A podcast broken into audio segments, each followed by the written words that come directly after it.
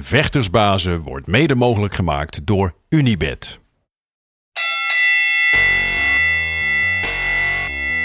It's time for Vectorsbazen!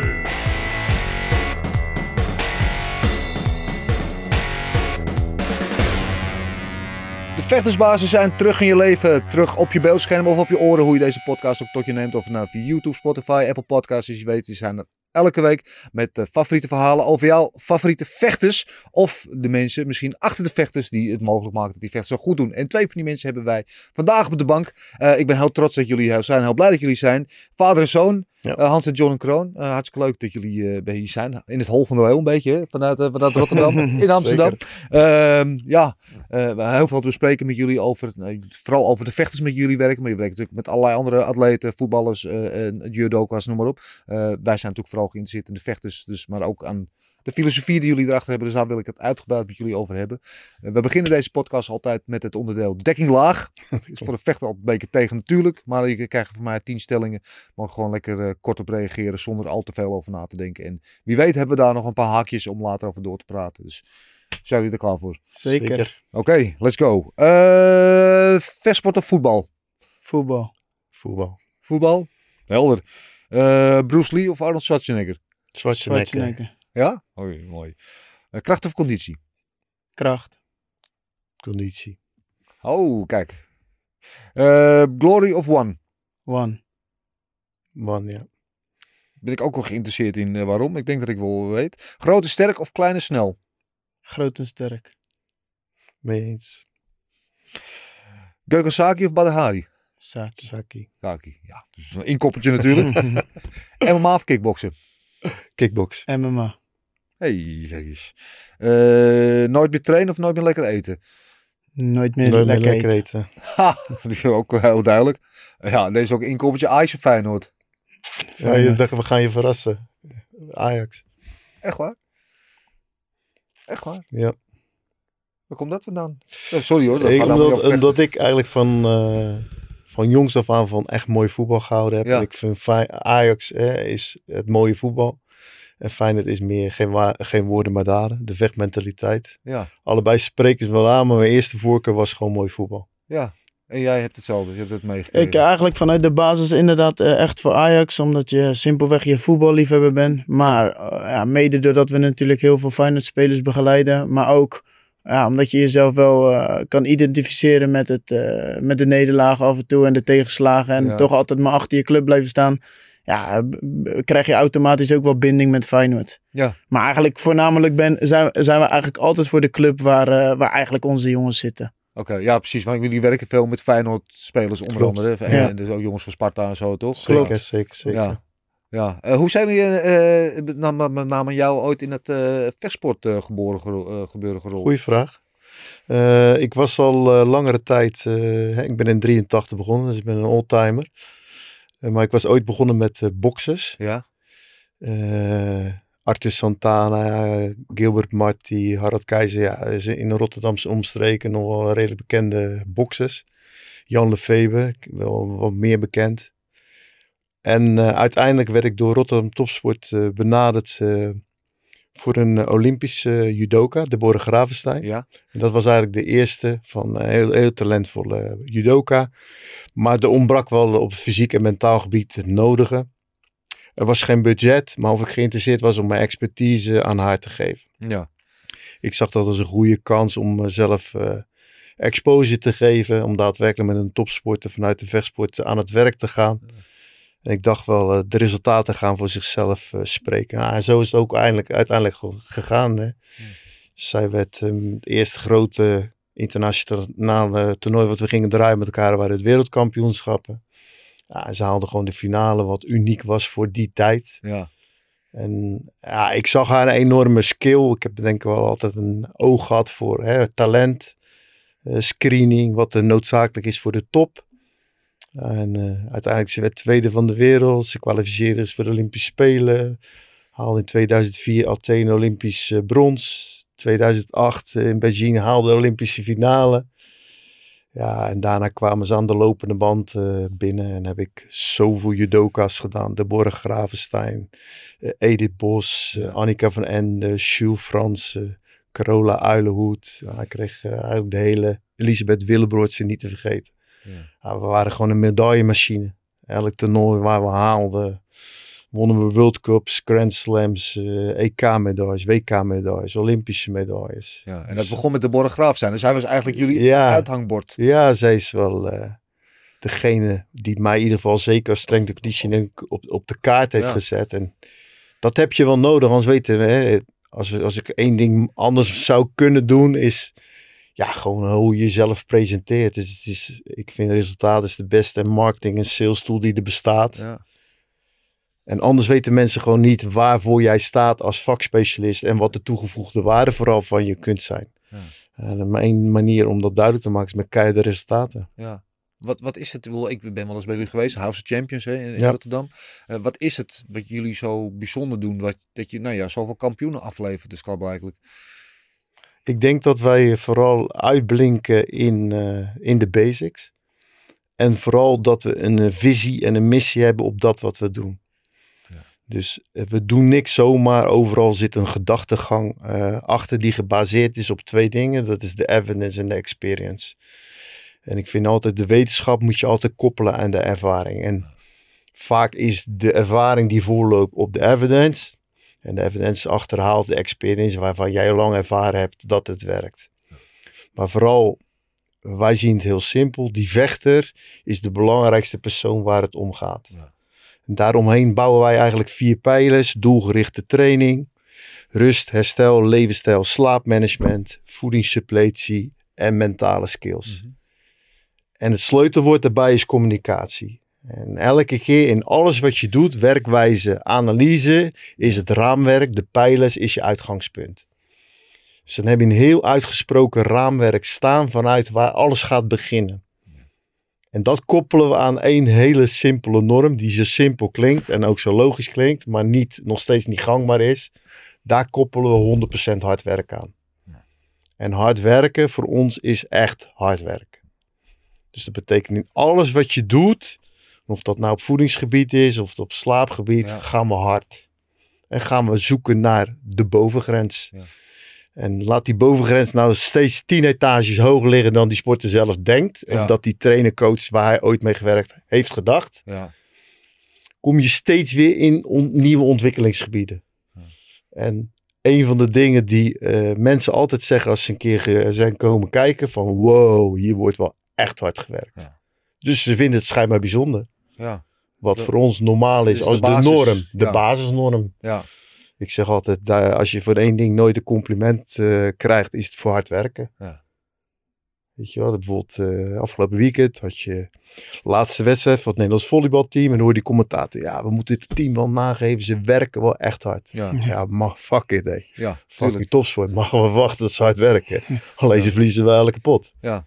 Maar zelfs, zelfs, eh, vanzelfsprekend is dat dus kennelijk niet. Dat, dat is onze ervaring ook. Ja. Ja. En je kunt daar eh, veel dieper en verder in gaan. En dat is eigenlijk, we noemen het een oneindig ontwikkelingstraject. Ja. Je kan altijd blijven groeien. Ja. Ik zit zelfs nu nog op een leeftijd dat je gewoon, je, kan, je kunt groeien. Ja. Alleen sta je open voor die groei. Staat jouw ego het toe dat je nog steeds lichtgierig bent om jezelf door te ontwikkelen. En staat je ego het toe om ook in die zone te komen. Ja. Merk je dan ook verschil tussen eh, atleten uit verschillende sporten? Ik Ik weet vanuit mijn kant, vanuit de sportjournalistiek, eh, veel met, met voetballers. eh, ehm, heb je dat vaak minder dan met individuele sporters. Wielrenners, of het nou vechten zijn, of wanneer de individuele sporters zijn vaak meer met zichzelf bezig en vaak ook meer karakters daardoor en hebben vaak ook een sterkere geest en zijn daardoor ook bereid harder te werken dan, dan teamsporters. Maar ik, dat is mijn optiek vanuit de buitenkant. Jullie werken met sporters. Hoe zien jullie dat? Nou, er- ergens is dat wel zo natuurlijk. Maar ook, ook in de kickboxwereld waar het draait om individuen, eh, moet je eigenlijk nog steeds non-stop eh, die, die, barrières doorbreken en eh, die grenzen eigenlijk verleggen. Ja, Dus in het begin heb ik dat ook heel vaak gedacht. ja, Maar ook bij die individuele sporters is er nog een hele wereld te winnen op dat gebied eigenlijk. Ja. Terwijl je zou zeggen, inderdaad, je, je, je bent op jezelf aangesproken. Je staat uiteindelijk alleen in de ring. ja. Je gaat ervoor zorgen dat je er alles aan hebt gedaan. Dat je straks compleet in die ring staat. En dat je jezelf aan het einde van de avond in de spiegel aan kan kijken. En denken, ja, ik heb alles eraan gedaan. Mijn voeding klopte. Ja. Mentaal zat ik in orde. Mijn gameplan klopte. Oké, vandaag was die ander beter. Maar zelfs op dat gebied zie je, zelfs bij die individuele sporters, dat er eigenlijk nog eh, een hele wereld te winnen is. ja. Eh, Kijk, eh, eigenlijk eh, aanvullend daarop. In onze visie, weet je, ik heb die pijlers benoemd. En centraal daarin staat die sporter. Die sporter is een uniek mens. En die heeft een uniek profiel. ja, Dus ik hou er niet van om het te categoriseren naar Nee. eh, de sport. nee. maar naar het individu. En dus we hebben in, ook in de voetballerij, ja, ongelooflijk goede sportmensen zijn er op ons pad gekomen. Ja. Die honderd keer meer gedreven zijn dan welke individuele sporter dan ook. Want eigenlijk zijn zij ook een individu in een team. Eigen BV, ja. Hè, de eigen BV die het beste uit hun BV wil halen. Dus Ja. Ik denk dat je het vooral per persoon moet bekijken van eh, wat is kenmerkend voor zijn profiel. Wat is de huidige beginsituatie en hoe kunnen we op alle noodzakelijke facetten komen tot ontwikkeling. Maar het- ik neem wel aan dat het, ehm, de behandeling of de benadering van jullie met sporters, dat wel per sport verschilt, toch? Dat je, dat je nou ja, Eigenlijk niet. spe- specifieke oefeningen doet? Nee? Doet dat met iedereen hetzelfde? Nee, dat zeker Dat niet. zeker niet, nee. kijk, natuurlijk draait het in dat wat je doet, draait het om maatwerk. Ja. Alleen, eh, er is wel een groot misverstand over dat we altijd maar sportspecifiek moeten werken. Er is maar één sportspecifiek eh, manier van trainen en Ja. dat is de sport De zelf. sport zelf. Ja. Wij zijn eh, de atletische fundering of de mentale fundering onder het proces. Ja. En in de basics zijn er heel veel parallellen tussen heel veel verschillende sporten. Ja. Dus je kan de voetballer in de basics heel goed samen laten trainen met de vechtsport. Ja. En je kan de judoka heel goed samen laten trainen met de bokser. Eh, Dus wij geloven in kruisbestuiving, omdat er in de fundamentele dingen, in de bewegingspatronen, in vooral de efficiëntie van de patronen, hoe Ja. kom je tot efficiënt bewegen, er zitten niet zoveel verschillen als we denken. Dat is een hele grote denkfout die, die vaak gemaakt ja, wordt. die maak ik ook, dus kennelijk. Ja, en sterker nog, wij zien juist bij heel veel vechtsporters dat die fundering die is er niet. Waarom? Nee. Op vaak veel te jonge leeftijd zijn ze alleen maar specifiek gaan trainen. Ja. En specifiek is 9 van de 10 keer eenzijdig. Ja. En ik kan me één sport bedenken hè, in eerste instantie waar alles in zit van de grondvormen van het bewegen en dat is judo. Ja. In, in de basic. Ja. Maar zodra we het hebben over topsport, nou, dan wordt het eenzijdig. Ja. En wij geloven in eh, totalitaire atletische ontwikkeling. Wij geloven echt in totalitaire ontwikkeling sowieso. Dus buiten sportskills geven we ook heel veel skills mee die hè, bruikbaar zijn in het dagelijks leven. Omdat het een het ander beïnvloedt. Je Ja. kunt niet zien alsof je in twee verschillende werelden leeft. Ja. Je, je moet hè, uiteindelijk renderen in allebei de werelden. Totalitaire ontwikkeling, mooi term. Ja. Eh, maar gebeurt het ook inderdaad, wat, jullie, dat je net zegt, dat je in, in principe een judoka met een bokser kan samen laten trainen, Zeker. voetballen met een vechter? Doen jullie dat ook? Ja, zeker. Zeker. Ja? Juist, juist die trainingen eh, halen soms het beste in elkaar naar boven. Omdat ze iets zien wat ze eigenlijk helemaal niet gewend zijn. Kijk, een voetballer ziet heel de dag voetballers om zich heen. Een Mhm. judoka ziet heel de dag judoka's om zich heen. Ja. En al die werelden hebben bepaalde normen en waarden. En bepaalde eh, vormen van werken. Ja. Dus juist omdat ze iets vanuit een hele ander eh, perspectief eigenlijk zien. Ja, eh, triggert het soms juist om te zien van... eh, ik zeg een mooi voorbeeld vind ik altijd... Voetballers krijgen heel veel verdiend voor wat ze, voor wat ze doen. Ja. En bijvoorbeeld een judoka, zeker in Nederland, eh, worden financieel zwaar ondergewaardeerd. Amateurniveau, ja. Ja, dus voor een voetballer soms om hem in de judoka te zetten... Ja. Die bij wijze ervan eh, voor eh 2000 euro per maand eh zijn longen uit zijn lijf traint twee, drie keer per dag. ja voor is dat de mooiste trigger eh, die er is? Ja. ja. Ja. Dat het echt puur uit motivatie komt en, en niet, niet van, vanuit de financiële motivatie. Ja, dat maar- is, dat is ook vaak wat wij als feedback horen van die, eh, van die voetballer. Dus Ja. eigenlijk, wat is nou het kantelpunt geweest in je carrière? Ja, dat je je beroep op een andere manier bent gaan beleven. Ja. En dat je daadwerkelijk als een topsporter bent gaan functioneren. Ja. Hij zegt die training met de judoka, ik zag gewoon eh, zoveel passie, vuur, toewijding in die sport te zitten. Terwijl die motivatie kwam alleen maar voort uit ontwikkeling. Ja. Ze waren op zoek naar een maximale ontwikkeling, want die geldstimulus zat er helemaal niet. Nee. Hij zegt, het is in mijn wereld ondenkbaar dat je zo diep gaat voor een sport, Ja. terwijl je, waar je niks voor betaald betaald krijgt. Dus en ik en wij geloven eigenlijk allebei in die filosofie dat geld nooit je drijfveer moet zijn. Nee. Geld is een gevolg van dat wat je doet. Ja. En eigenlijk, hè, als je in een sport de beste van de beste geworden bent, gaat dat zich uiteindelijk wel uitbetalen. Ja. Ja. Alleen als jouw motivatie alleen maar geld is en je, vindt- je bent grootgebracht in zo'n wereld, Ja. dan is dat wel een kantelpunt om eh, te ervaren wat bij andere sporters, eh, hoe dat bij hun werkt. Schijnbaar op een heel andere manier. En dat vind ik wel de mooiste beïnvloedingsmomenten die ontstaan langs de natuurlijke weg. Ja, daardoor ontstaan weer allerlei gesprekken eh, van hè, hoe zie jij dit? Wat is jouw drijfveer? Eh, wat zijn jouw doelen? Ik, ik, ik, ik eh, ben altijd nieuwsgierig naar van, ja, wat, wat, wat, wat brengt jou tot dit? Ja. Waarom heb je gekozen ooit voor dit? Ja, wat dat betreft, nou, vechten is natuurlijk wel een interessant object. Want de vechters over het algemeen, heb ik het idee, verdienen niet zo gek veel. Eh, er zijn er een aantal, de uitschieters natuurlijk, Klopt. die heel veel geld verdienen. Maar de meeste vechters, die doen het ook van een appel en een ei. Die doen Klopt. het ook echt vanuit de passie voor het vak doen. Hoor.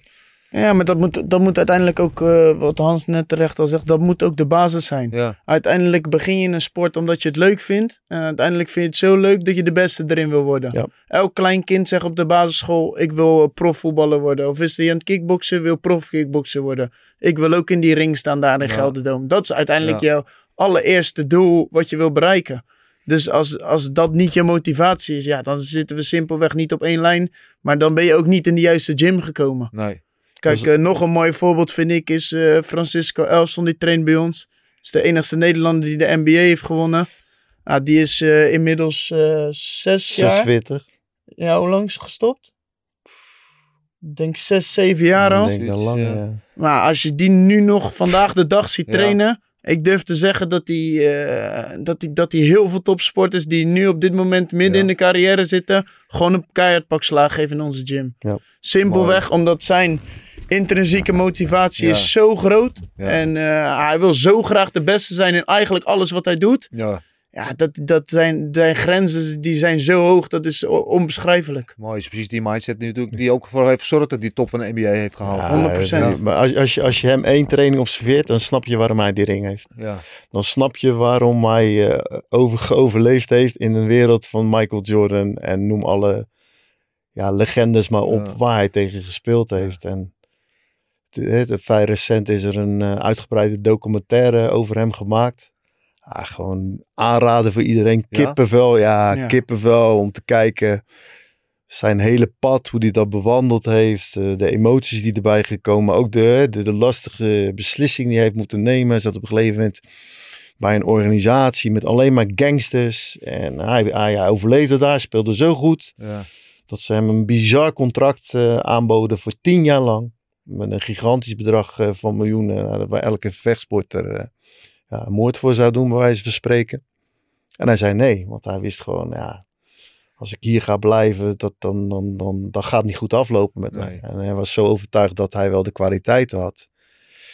Ja, en uiteindelijk eh, is hij eh, bij de goede organisatie eh, terechtgekomen en eh, heeft het ultieme, want wij beseffen niet hoe groot het is Ja. als je gewoon de Nee, NBA wint. ja, Dan kom je gewoon bij de president op visite. Ja. En dan, dan Amerika is sowieso het respect voor sportmensen. Dat is eh, adoratie. En dan ben je 10, 20 jaar gestopt. Als jij binnenstapt, dan gaat eh, iedereen opzij en gaan buigen voor je. En Ja. wij ga- daar gaan ze er heel anders mee om dan wij. Maar ja. het geeft maar aan hoe groot die prestatie is die hij geleverd heeft met zijn team. En ja, het is gewoon een voorrecht om met zo'n jongen te kunnen en mogen werken. Maar het is ook fantastisch te zien om wat hij kan betekenen in de ontwikkeling van andere sporters. Ja. En maar hij zet gewoon de norm neer. Is dat ook, je bent veel in Amerika geweest Ja. ook, hè? Je hebt daar ook eh, inspiratie op gedaan voor, voor je trainingsmethodes. Zeker. Ehm, mijn idee dat dat in Amerika de sportbeleving zo anders is. Inderdaad, zoals je zelf aangeeft. Eh, niet alleen door het publiek. Want als je daar een Olympische medaille wint, dan, dan ben je eigenlijk voor de rest van je leven zit je gebeiteld. Dan, dan ben je gewoon een held voor de rest van je Ja. leven. Terwijl hier, als je een Olympische medaille wint, dat is leuk. Mag je een keer in de krant. En dan, dan moet je gewoon weer... eh, ja, gewoon normaal doen. gewoon Heel in de kantoren maandag. En eh, weet je, ja, precies, doe maar gewoon, doe je gek genoeg. Ja. Ehm, is dat ook, heb je het idee dat, ik heb soms het idee dat we door het, het missen van die sportbeleving daar ook een beetje achterblijven. Ja, het Dat is, in, het is in ieder geval, eh, vind ik altijd heel jammer om te zien. Ja. Kijk, omdat eh, wat diegene gepresteerd heeft is zo uniek. Is eigenlijk, eh, er zit zoveel werk achter, er zit zoveel precisie. Alles moet kloppen op dat ene moment. En eh, eigenlijk die waardering die ze wel verdienen, krijgen ze simpelweg hier nooit in Nederland. Nee. Ik heb zelfs altijd het idee dat we onze legendes heel graag een keer ten onder zien gaan. Ja, ja. Want dan kunnen we Ja. zeggen, ja, zie je wel, hij is niet perfect, hij is niet... Terwijl. Eigenlijk zou het het mooiste zijn wat er is. Ja. Je, je wil een held hebben, nou, daar heb je je held. En die moet je eigenlijk non-stop op handen dragen, wat je terecht Ja. zegt. Die moet eigenlijk levenslang respect genieten. Ja. En eh, ik, de- ik denk daardoor wel dat er heel veel eh, ex-topsporters eigenlijk niet meer in die wereld zitten. Nee. Omdat ze simpelweg de wereld zat zijn. Ja. En omdat ze simpelweg eigenlijk niet het respect krijgen wat ze wel horen te krijgen. Waardoor ze eigenlijk zoiets hebben van, nou, waarom zou ik eigenlijk in deze wereld blijven zitten? En daardoor missen we natuurlijk wel een heel groot stuk expertise. Ja. Ja, en het tweede is van, kijk, vooral de, de nieuwe generatie heeft rolmodellen nodig. De nieuwe Ja. generatie heeft mensen nodig die hun kunnen inspireren, motiveren, om da daadwerkelijk te gaan zoeken naar een groeipotentieel. En ja, Michael Jordan, Kobe Bryant, eh, Ja. Shaquille O'Neal, je kan niet eh, genoeg benadrukken hoeveel mensen hun geïnspireerd hebben. Hè, en wat van hun leven te maken. En wat het straks al over, hè, als een, een, een eh, bekende sporter het achterste van zijn tong laat zien. Hè, dat hij ook gewoon een mens is en ook gewoon zijn struggles heeft in het leven. Ja, dan kan hij zo waardevolle betekenis eh, geven aan het leven van andere mensen weer. Dus als wij op andere manieren hè, met onze sporters zouden omgaan. Hè, en de Badahari, eh, Gokhan Saki, ja, die kunnen zoveel invloed hebben in de Turkse en Marokkaanse gemeenschap. En kunnen zoveel jongens eh, letterlijk en figuurlijk op het rechte pad houden. Ja. Puur door die wie ze zijn. Ja. Maar dan moet je daar wel meer mee doen. Meer exposure aan geven. Ja. Meer eh diepte interviews. Meer ook die andere kant van hun durven te laten zien. Ja. Om dat in beeld te krijgen. En ik denk dat het een gemiste kans is dat we daar, eh, dat we daar ja, niet zorgvuldig genoeg mee omgaan. Kijk, Francisco ook. Hoe kan het nou zijn dat die gozer niks doet in die basketbalbond? Nee. Ik zeg, luister, jij bent de beste ambassadeur die ik me kan bedenken. Ik Ja. kan me geen betere bedenken. Alleen je moet wel op de juiste respectvolle manier met hem opengaan. Want als hij jou een lul vond, dan zegt hij gewoon niks tegen je. Ja. Ja, het is, we zijn toch gewoon heel slecht in het vereren van onze helden. Laten we gewoon Ja. eh, een Ja. beetje bij de naam. We zijn er toch gewoon heel slecht in hier. Ja, maar het is ook wat Hans eh, zegt. eh, het zou ook leuk zijn als jongens als inderdaad een Badrari, een Sammy Schild, eh, dat soort legendes gewoon een keer positief in het zonnetje worden gezet. In plaats Ja. van dat we altijd maar op zoek zijn Ja. naar het ene negatieve dingetje of het ene dingetje wat hun linkt aan een verkeerd iemand of wat dan ook. Ja. Kijk, daar zouden we ook veel zorgvuldiger mee om moeten kunnen gaan. Ja. Het is altijd zo lekker makkelijk, hè? Dus eh, de- eh, iemand, eh weet ik wel, een overval pleegt en hij heeft Ja. ooit een keer een kickboxlesje gevolgd. Ja, Dan is Ja, dan gelijk- is het ja. Kickboxer, weet je. Het is altijd zo makkelijk voor de beeldvorming. Ik Klopt. vind het altijd een Ja. beetje, een beetje luie journalistiek ook. Eh, goedkoop. als- ja. Heel goedkoop. Even eh, over jou, want ik vind het mooi eh, vader en zoon eh, op de bank. We hebben het niet, niet vaak gehad nog hier. Jij bent natuurlijk al heel lang actief in de sportwereld. Was het voor jou eigenlijk van jongs af aan al duidelijk dat je ook die kant op zou gaan? Ik had eigenlijk als kind simpelweg maar één droom. Ik wou profvoetballer Ja? worden. En ik heb acht jaar bij Sparta gespeeld en uiteindelijk niet gered. Simpelweg, als ik erop terugkijk, gewoon niet, genoeg, niet goed genoeg was. Ja. En eh, eigenlijk vanaf het moment dat ik daar eh, afviel en eh, dat die droom eigenlijk in duigen viel, ja, was ik op zoek naar iets wat mij zo dicht mogelijk bij die topsportcarrière kon brengen. ja. En ja, hij werkte natuurlijk al volop met topsporters. En ik liep daar natuurlijk sinds zo klein rond. Dus ja, topsport eh, ademden we in ons, in ons huis, zeg maar. En het ging altijd over sport. Het, en we hadden het altijd over passie voor sport. En eh, dat was eigenlijk ja, het ding wat mij dichtst bij mijn uiteindelijke droom kon brengen. Ja. Want ja, wat doe ik nu? Ik werk eh, nu alleen maar met topsporters. Dus eh, dichterbij kom je niet Nee. als buitenstaander. Ja. Eh, lijken jullie ook heel erg op elkaar? Niet alleen uiterlijk, maar ook gewoon qua Ja. filosofie en manier van denken en doen? Of... Kijk, we, we, we werken 100% uit dezelfde filosofie. Maar het is wel altijd leuk om te horen. Bijvoorbeeld Hans was laatst op vakantie. Dus dan neem ik altijd wat klanten van hem over. Dat die klanten toch altijd wel weer eh, eigenlijk schrikken van dat ik weer mijn eigen stijl heb. En andersom is dat precies zo. Als ik op vakantie ben en mijn sporters gaan bijvoorbeeld bij hem...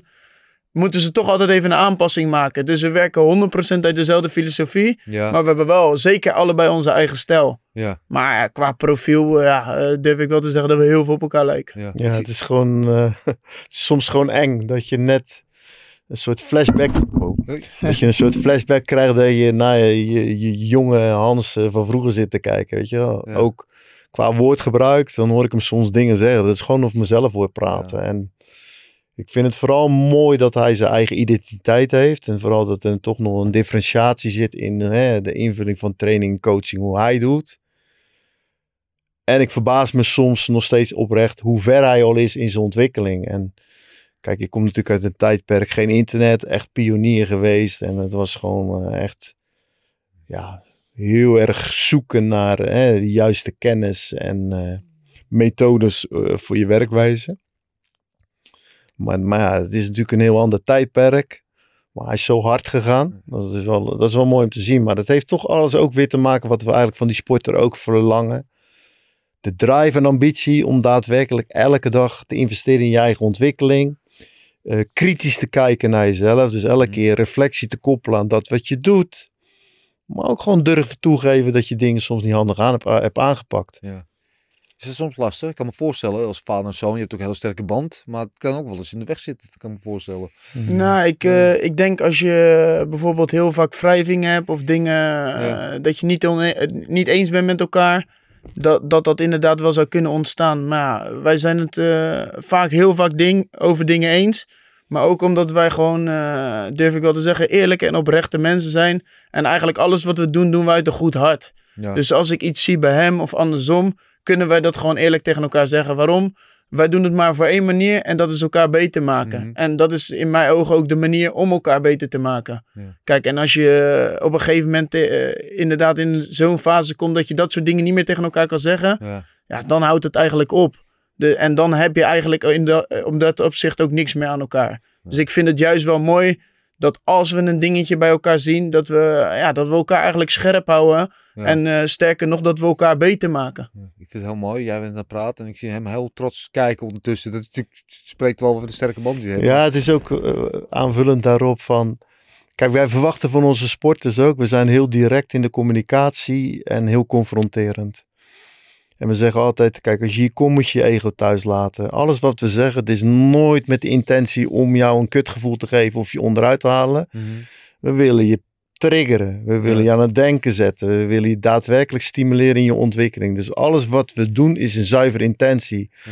En omdat dat de basis is van onze werkwijze, is dat ook de basis van eh, onze vader-zoon relatie. Zo gaan we ook kijken. Hij kan mij kritiek geven, omdat ik weet dat zijn intentie zuiver is. Dan kan het nog steeds slikken zijn om het even aan te horen. Mhm. Maar ja, dat is hetzelfde wat sport. Ik zeg soms hoef je niet te reageren. Slik hem gewoon. Denk erover na. En de volgende dag kan je erop terugkomen. Ja. En dan kan je zeggen van ja, ik eh, ben het eens met je kritiek. Of ja, maar er is, je moet wel even denken aan dit aspect. Ja. En hè, dus wat, wat ook weer practice what you preach. Wat je van die sporten verwacht, moet je dan ook wel zelf in je dagelijks leven toepassen. Want anders eh, wordt het wel heel makkelijk. Ja, en mooi. en daar, daar hè, valt nog veel in te winnen. En, eh, In alle lagen van de maatschappij, maar ook in alle lagen van de sportwereld. Ja. Weet je, laat je ego alsjeblieft eh, nooit in de weg zitten voor je groeiproces. Want je doet jezelf tekort daarin. Je vertelde net over de Borregraaf zijn. Was Ja. het eigenlijk, hè? Die zetten de sluizen open voor jullie. Ja. Alle judoka's. Eh, wie was de eerste vechter die bij jullie binnenkwam? Dus het hebben over judoka's natuurlijk vechten, maar is uh, kickboxer of... Ja, bedoel je kickbo- echte, echte grote kickboksen? Ja, eigenlijk voor mij toch wel Gokan. Kokosaki. Hoe kwam hij bij jullie terecht? Hij is een hele dikke jongen. Hele dikke Hij jongen, kwam, hij kwam binnen met een, eh, met een hele goede vriend van, mij, van hem, die bij mij in de buurt woont. En die had al tienduizend keer tegen me gezegd van, als je echt eh, die volgende stap wil gaan maken, moet je naar hem toe. Nou, toen werd ik eh, op een gegeven moment voorgesteld aan een, ik zag een dikke Turk. Toen dacht ik, ja, wie, wie is dit dan? dat bleek dat ze een hele bekende vechter te zijn. Ja. Toen was ik helemaal nog niet zo thuis in die wereld. En uiteindelijk eh, weet ik nog dat eh, een van de hè, eerste gevechten die we samen deden was in de Magrital in Schiedam. Nou, ik weet niet of je daar ooit wel eens geweest bent. Als je het hebt over een broeierige sfeer, zoals wij dat Ja. noemen. Maar dat was, ja, ik wist gewoon niet wat ik meemaakte. En ik zag ook gewoon hoe populair hij was. Ja. en hoe we gewoon heel die Magrital op zijn kop zetten. Ja, en met dat dikke liggen van hem, die gozer helemaal molesteerde op eh, zo'n explosieve manier. Dat ik dacht, wow, Wow. don't judge a book by its cover. Nou, dat, eh, dat ging wel eventjes op die les. Ja. Wow, er zat zoveel dynamiet in deze man. En eh, ja, energie en, en uitstraling. Maar ook hoe populair hij gewoon was. Ja. Ja, en vanaf dat moment eh, ja, zijn we aan een reis begonnen samen. En eh, ja, eerst eh grote toernooi wat we samen deden was de K1 in, in, in Tokio. Met toernooi met Spong en Kitaro. En, ja. ja, vanaf dat moment zijn we heel de wereld overgegaan samen. We hebben de meest bizarre dingen meegemaakt. En ja, noem eens wat. ja, dan ben ik benieuwd ook. een hele enerverende, hele enerverende reis die nooit saai was. En hij komt natuurlijk uit een situatie eh, dat hij eh, heel andere normen heeft als, eh, als, de- als deze Hollander. Ja. Dus er zijn twee totaal verschillende werelden. En je probeert uiteindelijk te leren van zijn wereld. En hij probeert te leren van mijn wereld. Maar het is ook een kat-en-muisspel tussen die twee werelden. En het is natuurlijk in de goede zin van het woord eh, een boefje ook. Een straatboefje, een straatrat. eh, ja, die de wetten van de straat kent. Ja, en ik ben een man van de klok en een man van de afspraken. En een ja. man van zijn discipline en structuur. Ja, dat druist natuurlijk tegen alles in hè, waar hij voor staat en gaat. Ja, dus dat. eh, ja, dan moet je gewoon voorstellen dat het was gewoon eh, acht of tien keer met elkaar eh, dagelijks bellen om eh, uit te vogelen waar hij uithing en wat hij aan het doen was. En op een gegeven moment dan ging hij braaf bellen en stond, ik bij de, stond hij bij de Albert Heijn. Wat mag ik nou eten? Mag ik dit dan wel? Mag ik Ja. dit dan niet? En ja, gewoon heel, ja, heel mooie ontwikkeling eigenlijk samen meegemaakt. Ik heb ook veel geleerd van hem, van de cultuur, hoe hij opgevoed is vanuit zijn jeugd. Hoe hij misschien ook wel bepaalde dingen gewoon juist helemaal niet meegekregen heeft. Waardoor hè, bepaalde gedrag basis verklaarbaar ja. wordt. Ja, ja, ja. En ja, ik, zie, ik zag natuurlijk die ongekende skills van hem. En ik dacht alleen maar als deze gast serieus dit en dat gaat doen. Dan gaat hij gewoon zo exceptionele goede vechter worden. En dan gaat niemand hem verslaan. ja. En er waren wedstrijdvoorbereidingen dat eh, daadwerkelijk alles klopte. Eh, een, een van die momenten was echt dat eh, K1-toernooi, dat die eh, uiteindelijk door Sam Schild werd uitgeschakeld. Het, inmiddels werkte hij ook toen samen met Mike, wat ik een fantastische trainer vind. Ja. Waar daadwerkelijk de eerste gevecht wat wij samen deden als team met Mike was in België. Ja. Tegen, eh, ik ben de, Bouzidi. Bouzidi, ja. Bouzidi, Tegen ja. Bouzidi. Toen was hij zeggen en schrijven drie maanden met Mike eh, aan het werk geweest. Ja. ik zag al die patronen terug wat ingeslepen was in de training. Dat hij in de eerste ronde zei, hij zegt, ik kan hem eruit slaan. Maar Ja. ik laat hem gewoon staan. Ik ga hem even een paar dingetjes uitproberen op hem. hij ging gewoon spelen met hem. Hij ging gewoon een eh, masterclass met hem Ja. doen. Dus alle dingen, alle patronen die hij in de training al eh, erin geslepen had. Ging hij gewoon uittesten onder die wedstrijdlichten. Nou, hij heb hem echt totaal losgeslagen. Gespeeld met hem als een speelbal. Het is gewoon, als je die partij nog terug ziet, denk ik, wow. Ja. En dat was na drie maanden hè, met, eh, met Mike aan de slag geweest. Toen- Toen was ik zo onder de indruk van eh zowel Saki zijn groei als de input van Mike. Ja, en ontstaat er iets in zo'n team dynamiek, aan chemie. Eh, het was ook in het begin aftasten tussen mij en Mike. Amsterdam-Rotterdam. Ook heel, twee heel andere zei. Ik moest ook gewoon wennen aan hem. Hij moest wennen aan mij. En uiteindelijk, weet je wel, tot op de dag vandaag, eh, ja, gewoon zwaar wederzijds respect. En ik vind het gewoon een op en top eh, vakman. Dus eh, ja, wat ik eigenlijk al zei. toen kwam dat toernooi daar in Japan. Ja. Die, die voorbereiding klopte het gewoon. Voeding was daadwerkelijk, hè, voor een Turk is eten nou, echt, echt een dingetje. Lekker eten, ja. Dus ze denken heel de dag aan eten. Overal waar, waar Turken zijn, staat eten. dus altijd non-stop zijn de verleidingen. Zijn de verleidingen er niet, dan zoeken ze ze wel op. Ja, en hij had altijd een struggle toch hè, met zijn vetpercentage. Dat hij gewoon simpelweg te veel van eten hield. Ah, toen op een gegeven moment, toen dat klopte. Man, ik, ik, ik weet gewoon dat je bij een training stond te kijken. Mike zei het ook, al, en we zeiden altijd tegen elkaar. "Ah, Als, je, als hij contact maakt, dan eindigen mensen gewoon het ziekenhuis. Ja. Dat zeiden we ook gewoon Ja. meteen. En dat gebeurde ook gewoon. Weet je wel? Ja. Dat, die impact van eh, die acties, als het helemaal klopte. Dat, wat, dat, eh, ja, ik heb het nog nooit gezien. Ja. Je ziet het ook niet meer veel, weet je. Dat is ja, gewoon uniek. Exceptioneel. Ja, ik mijn allerfavoriete zaakje moment was denk ik die wedstrijd tegen Gita. Ja, tuurlijk. Ja, en, Die eh, die- en ook voor die... Voor, combo. eh, ja, voor die, dat was, die, die, die combo was eh, zo snel.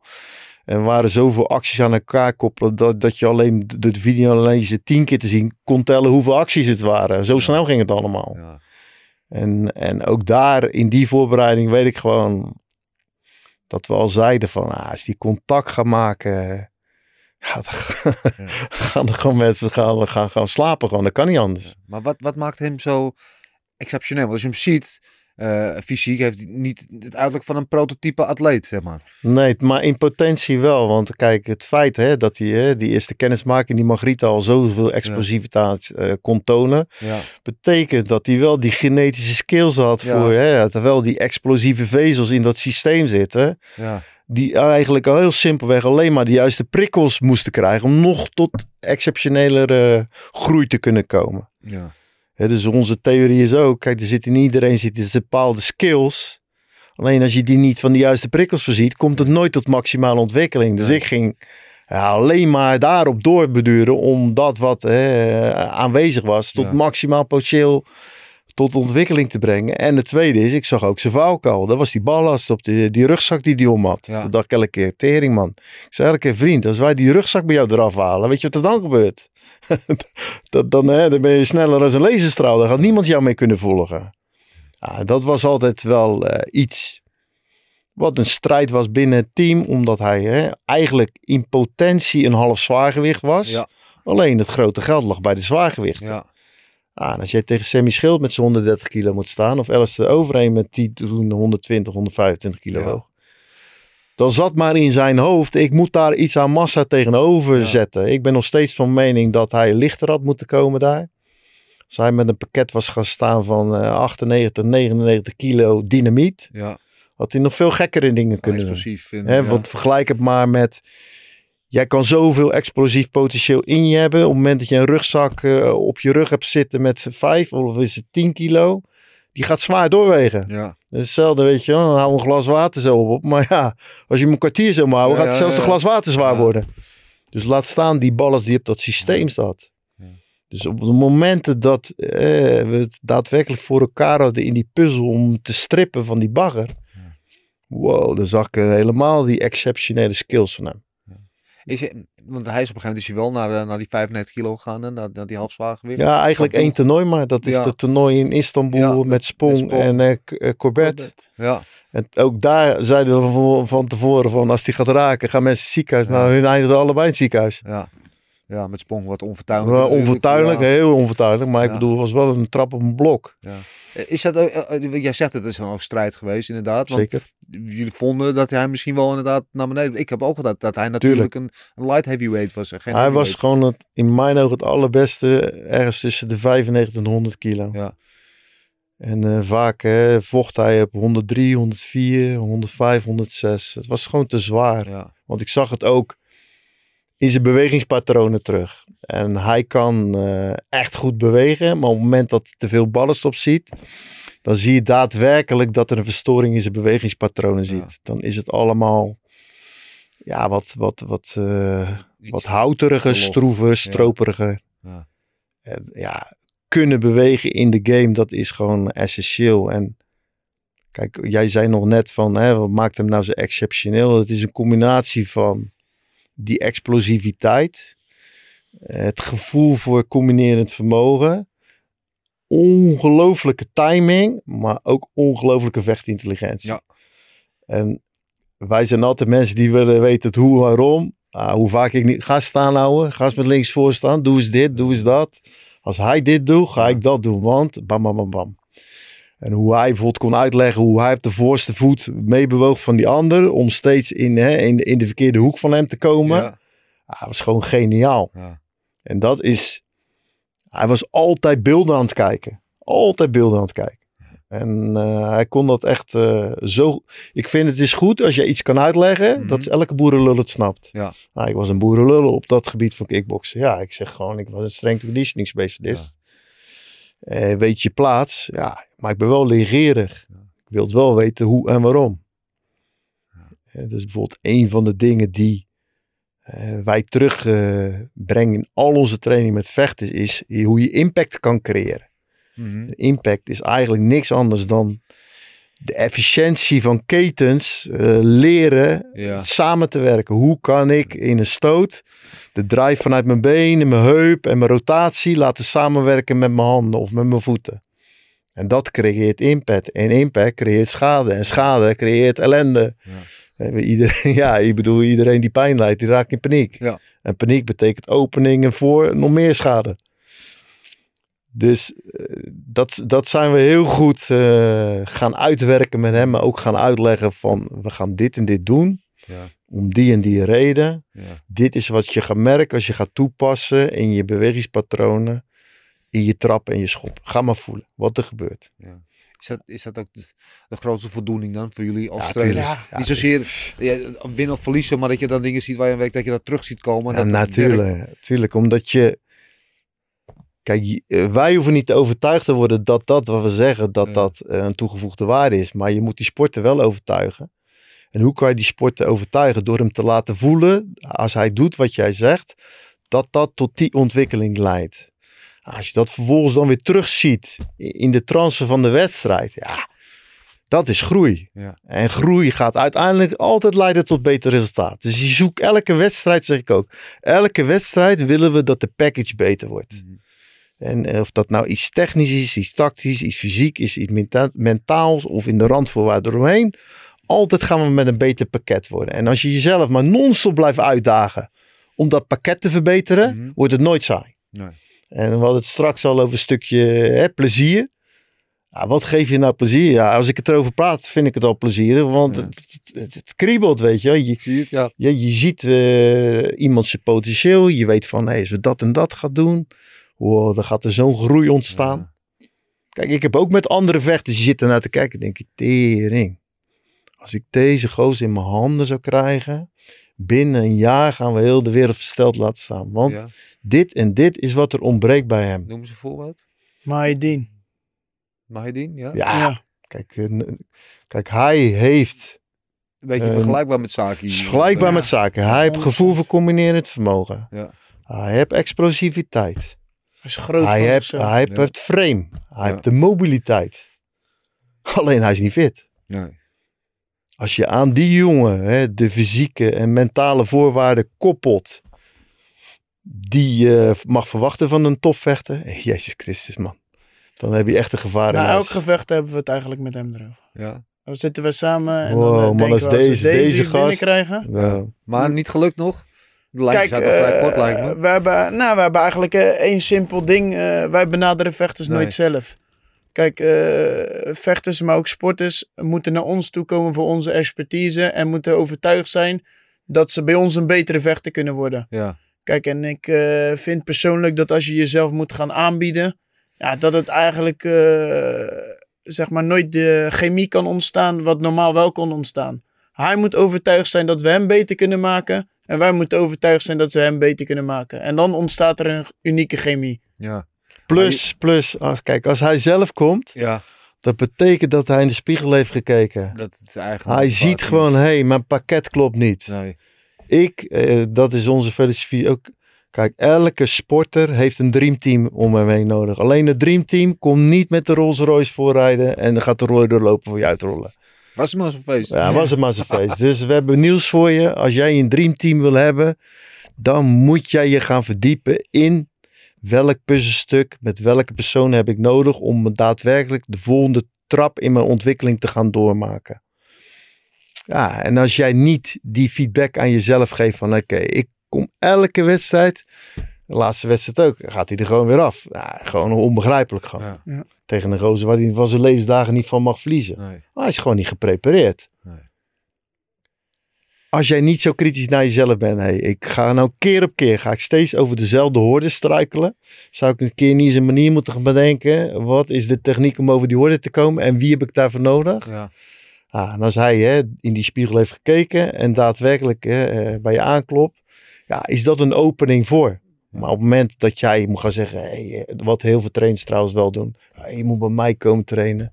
Nooit van zo lang zoals leven ga ik dat doen. Nee. Nooit van zo lang. Maar je hebt wel een aantal jongens, ook bij jullie, zoals Ilas Boulait, zo, Ja. die, die ook Dat is in een heel mooi voorbeeld in daarvan. diezelfde gym eh, rondlopen, toch?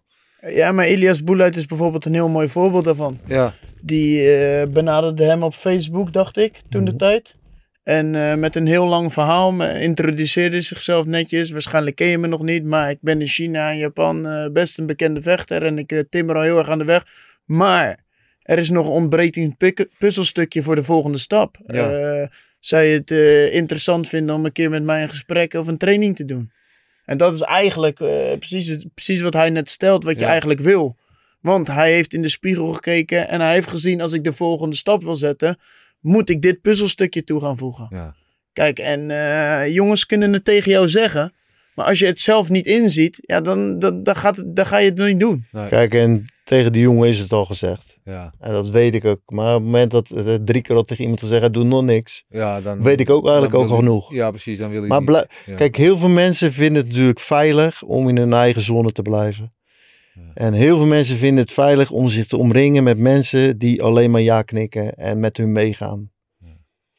Alleen, ja, de topsportwereld werkt gewoon niet zo. Nee. Je de, de, topsportwereld algemeen en, en, en de vechtsportwereld specifiek, hadden het net in het voorgesprek al een klein beetje over, is er best wel vastgeroest in, in oude methodes, oude Tuurlijk. denkbeelden. Ja, het is een- trainen nog steeds hetzelfde als in 1970 deden. Luister, Terwijl, het is, het, is, het, is een, het is net als de voetbalwereld, een super conservatieve Ja. wereld. Eh, Jordan zei het straks ook al in het voorgesprek. Ja, maar we doen het al twintig jaar zo. Ja, maar wat als je het nou twintig jaar fout doet? Ja. Ga je het dan nog dertig jaar fout doen? Maar nog belangrijker is, ik was twintig jaar geleden ook een andere trainer dan ik nu ben. Waarom? Ik zit nu 40 jaar in het vak, maar morgen kan er weer iets nieuws ontstaan wat absolute verbetering is ten opzichte van wat je in het verleden deed. Eh, je moet openstaan, ook naar jezelf toe, eh, hoor om, je, om je door te ontwikkelen. En de methodiek van, eh, van, van gisteren kan eh, morgen alweer achterhaald zijn. En je moet non-stop blijven zoeken. Ik noem het altijd zo. Ik wil als trainer voorop lopen in de ontwikkeling. Ja. Ik wil elke keer weer met iets komen dat die sporter denkt zo, tering man. Komt, komt hij daar nou weer op? Ja. Ik kom altijd wel met iets. Waarom? Omdat ik altijd blijf zoeken naar verbeterpunten. Ja. Maar het begint bij mezelf. Alles begint bij jezelf. wat, en- wat is iets wat, wat radicaal veranderd is in wat je 40 jaar geleden deed ten opzichte van nu? Eh, nog beter gedoseerd trainen. En nog meer de nadruk leggen op eh, de efficiëntie van patronen. Hoe je de efficiëntie van een patroon bij een sporter kunt verbeteren. En nog meer rekening houden met eh, anatomische voorwaarden van een sporter. Kijk, Ja. iedereen heeft een ander frame. En wat voor de een, eh, zeg maar, wat universeel gedacht wordt als de juiste uitvoering, kan voor die ander net eh, niet de juiste uitvoering zijn. Ja. En durven afwijken van het universele. Dus dat betekent echt maatwerk leveren. Hmm. Geïndividualiseerd naar zijn eh, pakket. Ja. Ja, dat is toch wel iets waar, waar, waar ik stappen in heb gemaakt. Maar ook, wat ik je straks al zei, hè, het gevecht tussen mij en eh Gokan en, en, en de Hollander en de Turk. Dat je, eh, vroeger legde ik veel minder uit. Ja. Ik eh, had zoiets van, eh, jij komt bij mij, ik ben de autoriteit. Jij ik zeg spring, jij moet gewoon springen. Ja. En er was helemaal geen ruimte voor discussie. Er was helemaal geen ruimte voor uitleg. De eerste training gooide je gewoon gelijk de oceaan met sharks. En liet je verzuipen en tien Ja. keer opeten. Dat ze helemaal groen en geel van ellende in de douche lagen. En dacht ik, bij deze gek ga ik nooit meer terug. Kijk, en nu leg ik het iets beter uit en pak je dat iets tactischer aan. Ja. Eh, ik noem maar wat, ik, ik ging bij Sparta werken. eh, eerste keer betaald voetbal. Twee trainingen per dag. Eh, tussen de middag hadden we eten. Ik zie die tafel slaan, helemaal vol met teringzooi. Ik zei tegen 24 man, ik zeg, doe jullie eens allemaal anderhalve meter achteruit. Ik Ja. pak een grote kliko, ik zet in het einde van de tafel. En ik ga als een bulldozer over die tafel. En ik tiefstraal alles zo die prullenbak in. Het zou wel goed gevallen zijn. Ja, dus je kan wel nagaan eh, hoe populair ik gelijk die dag eh, geworden ben bij die spelers. Die dachten zo, dit is een eh, gek die we nou in huis hebben. dus dat, ik was heel radicaal in alles wat ik deed. Ja, En nu ga ik eerst zitten met zo'n gast. Stel hem een klein beetje op zijn gemak. Ja. Leg hem uitleggen wat mijn werkwijze is. eh, wat de intentie is. Bijvoorbeeld als ik eh, in de training iets zag wat mij niet beviel. Ja, dan zet ik ze zo onder stress met agressieve coaching. Ja, dat ze gewoon in de broek poepten. Ja, dat, dat, dat, dus dat zijn allemaal dingen, weet je. Je bent eh, daar iets slimmer in geworden. ja. Het voortschrijdend inzicht, dan ben je wat milder Voortschrijdend geworden. inzicht, maar, maar kijk, de essentie blijft nog steeds hetzelfde. Ja. Alleen de verpakking heb je iets eh, milder gemaakt naar Ja. deze tijd. Ik denk dat dat ook de barrière is eh, voor veel sporters en vechters om eh, eigenlijk te wachten om te komen te gaan trainen. Waarom? Mm, De verhalen doen het zich natuurlijk altijd heel snel de ronde. En mensen weten, als ze bij ons de gym inkomen, gaan ze geconfronteerd worden met zichzelf. Ja. En hoeveel mensen zeggen niet, ik wil de beste worden. Ja. Maar het straalt niet uit in hun acties. Precies. Wil, Kijk, en hoe- je weet, ja. als je bij ons komt, is er geen verstophoekje. Je Nee. kan niet verstoppen achter iemand. Ja, je gaat geconfronteerd worden met jezelf. En je gaat geconfronteerd worden met je zwakke punten. En hoeveel mensen kunnen daarmee omgaan? Ja. En hoeveel mensen willen daarmee omgaan? En willen zo diep gaan om uiteindelijk de beste versie van hunzelf te worden? Ja. Ik denk dat dat ook nog steeds een hele grote barrière is. Ja. Er is veel te winnen in die vechtsportwereld, daar hebben we het net ook over gehad. Ehm, ik kan me voorstellen, want het het is een conservatieve wereld, dat er ook wel eens, eh, dat jullie op weerstand stuiten. Niet van de vechters zelf, maar misschien van de mensen erachter. Zeg ik nou iets geks? Ik, eh, ik denk op dagelijkse basis. Ja, Ja, zo erg? ja, zeker. Dagelijks zeker. basis, Ja, elke dag eh, maak je eigenlijk wel iets mee dat we elkaar aankijken. Dat we echt denken, joh, praten, niet we, praten we hier nog over, joh? Ja. Kan Maar niet kan, je Dit voorbeeld- is- kan je een voorbeeld doen? Eh, ja, eh, een meest recent voorbeeld is bijvoorbeeld eh, in de vechtsportweek. dus, dus eigenlijk de, de week dat de vechter moet gaan vechten. Dus eigenlijk moet gaan pieken. En Ja. eigenlijk simpelweg al het harde werk al is gedaan. Mhm. Hij is al geprepareerd, hij is ready. En eigenlijk simpelweg het enige wat je nog doet, is de puntjes op de i zetten.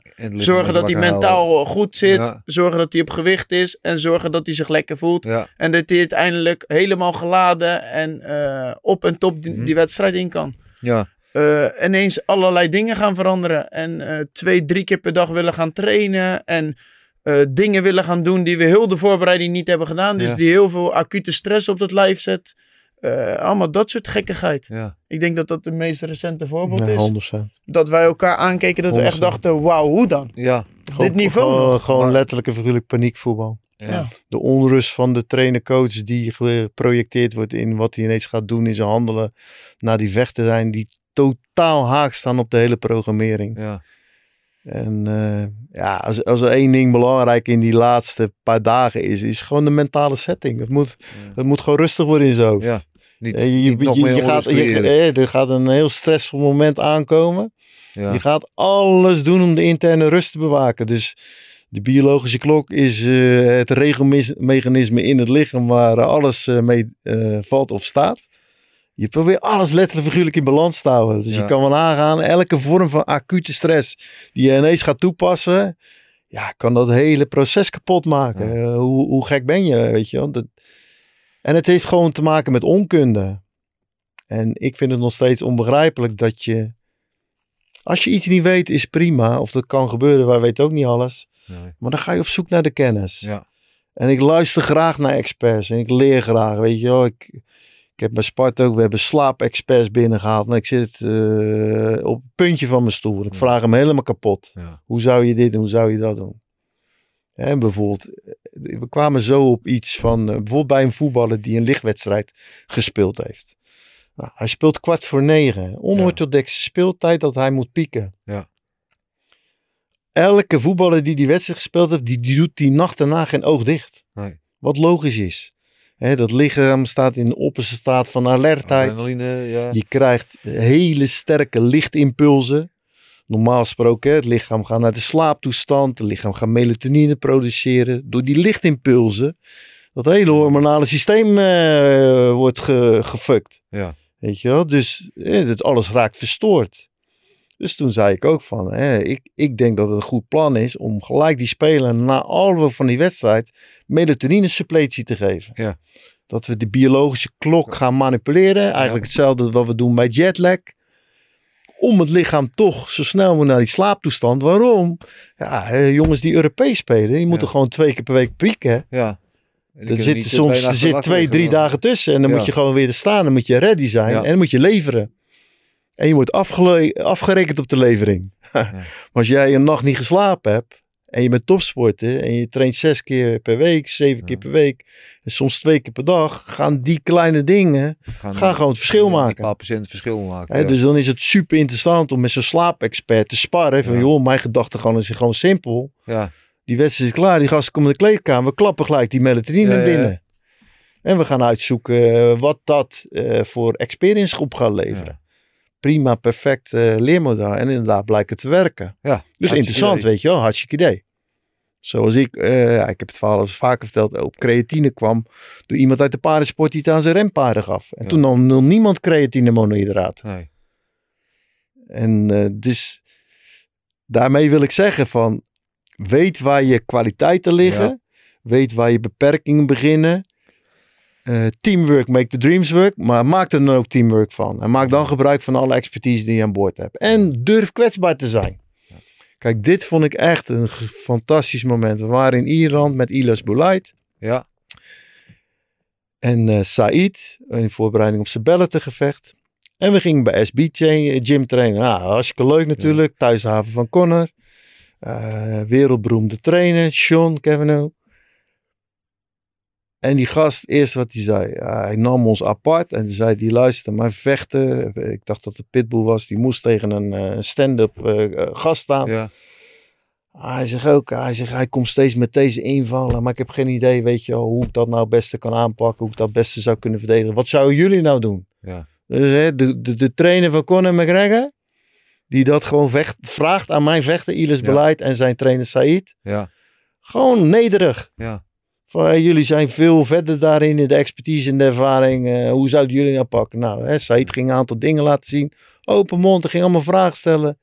Kijk, dat is de, dat is de juiste setting. Ja. Dat is de setting zoals wij erin staan. En ik ook verwacht van andere mensen die professioneel met de sport bezig zijn. Ja, en daar, eh, daar, daar valt nog veel te winnen. Ja. Dus laten we, het- laten we het netjes vertalen. Ja, ja. is dat in gewoon veel gevallen een beetje eh, los van, van dat je vastgeroest bent in bepaalde ideeën, ook een soort van onzekerheid. Dat je, nou ja, het moment dat je buiten die, Nee, die ik, ik, ik, comfortzone gaat nee ik, ik denk dat het toch een ego kwestie is. Ik denk dat je toch... Kijk, ik zie het gewoon zo. In een team is het niet eh, belangrijk wie uh, percentagegewijs wat doen. nee, Het is doen wat het moment vraagt. het eindresultaat. En zolang wij het eindresultaat naar me voor ogen hebben, en het eindresultaat is die sporter. Zolang wij allemaal doen vanuit onze expertise en experience wat het beste is voor die sporter Mhm. op dat moment, dan kunnen de fases zijn dat mijn input 90% is en van die vechtsporttrainer maar 10%. Ja. Maar er kunnen ook fases zijn dat die input van hem 100% is en ik gewoon aan de zijlijn sta. Maar het maakt niet uit. Als het maar is, wat op dat moment gevraagd is, en het daadwerkelijk het beste is voor die sporter, dan zijn we er allemaal bij gebaat. En dan heb ik geen ego daarin.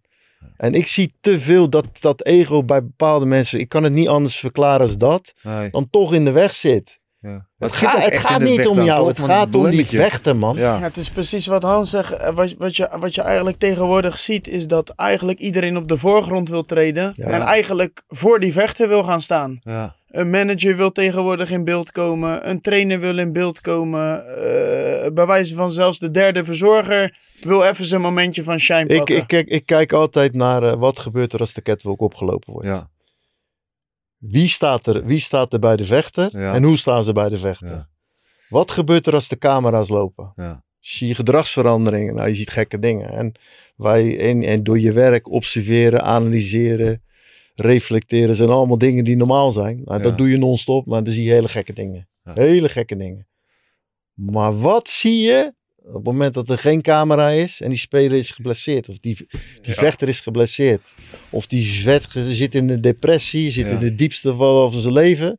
Hoeveel van die mensen die je op de catwalk ziet, zie je dan nog? Nee. En zijn ze daadwerkelijk in staat om eh, hulp eh, te bieden en ondersteuning te geven. Om daadwerkelijk die vechter verder te helpen in wat op dat moment gevraagd wordt.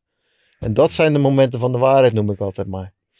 Ja, En als je ik, wint, heb en je ik, hou, en ik hou Ja. van de waarheid. Ja. Ik, ik hou heel erg van de waarheid. Nou ja, het is precies wat je zegt, toch? Als je, als je wint, heb je vrienden. En eh, wie zit er nog in diezelfde kleedkamer als je verloren hebt? Ja. Eh, als als Saki gewonnen had, dan eh, stonden er 1 miljoen mensen in de kleedkamer. Ja. Iedereen kreeg een bandje en iedereen kon het regelen. Ja. Als hij verloren had, dan eh, stonden dezelfde mensen met de middelvinger of je uit te fluiten. Ja.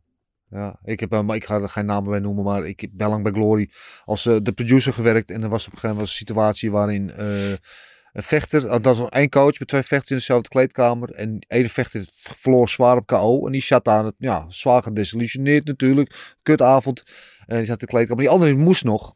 En die, die Ik ken dit trainer- verhaal toevallig. ja, nou, je weet al wat het over gaat. Die Ja. trainer, en die, die trainer komt naar mij toe. Kan die gozer even de kleedkamer halen? Ja. Want hij deprimeert die de hele boel. Ja. En toen heb ik gezegd, nee, dat ga ik niet doen. Ik zeg, Nee. want dit is jouw vechter. Ik zeg, winnen, verliezen, je moet er nu toch ook voor op Ja, zijn. maar, Ga- dit, maar kijk, dit is ook weer een voorbeeld.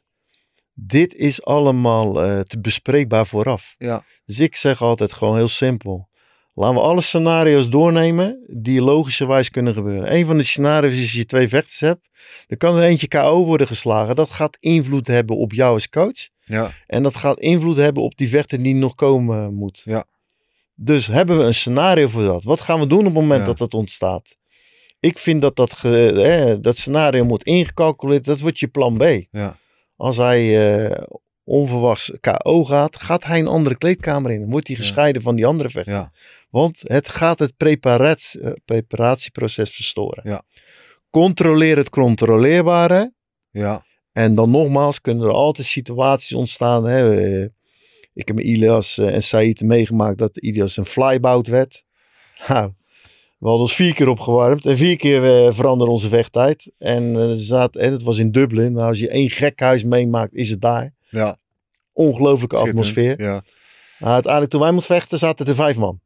Ja. Want heel de jaar was leeggelopen. En vervolgens zet hij gewoon een van zijn allerbeste partijen neer. Ja. Dus eh, hè, als we het hebben over stoïcijnse mindset, onverstoorbaar zijn, alle dingen die hè, we hem getraind hadden. Op een gegeven moment zei hij ook in de kleedkamer van ja, wat moet ik nou doen? Ik zeg gewoon rustig blijven. Ja. We gaan gewoon de protocollen die we gedaan hebben.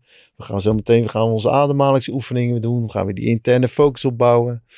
Daarna gaan we weer externe focus, taakuitvoering, warming up. En we zijn ready als we, als we, als we, erin, als we de kooi in moeten.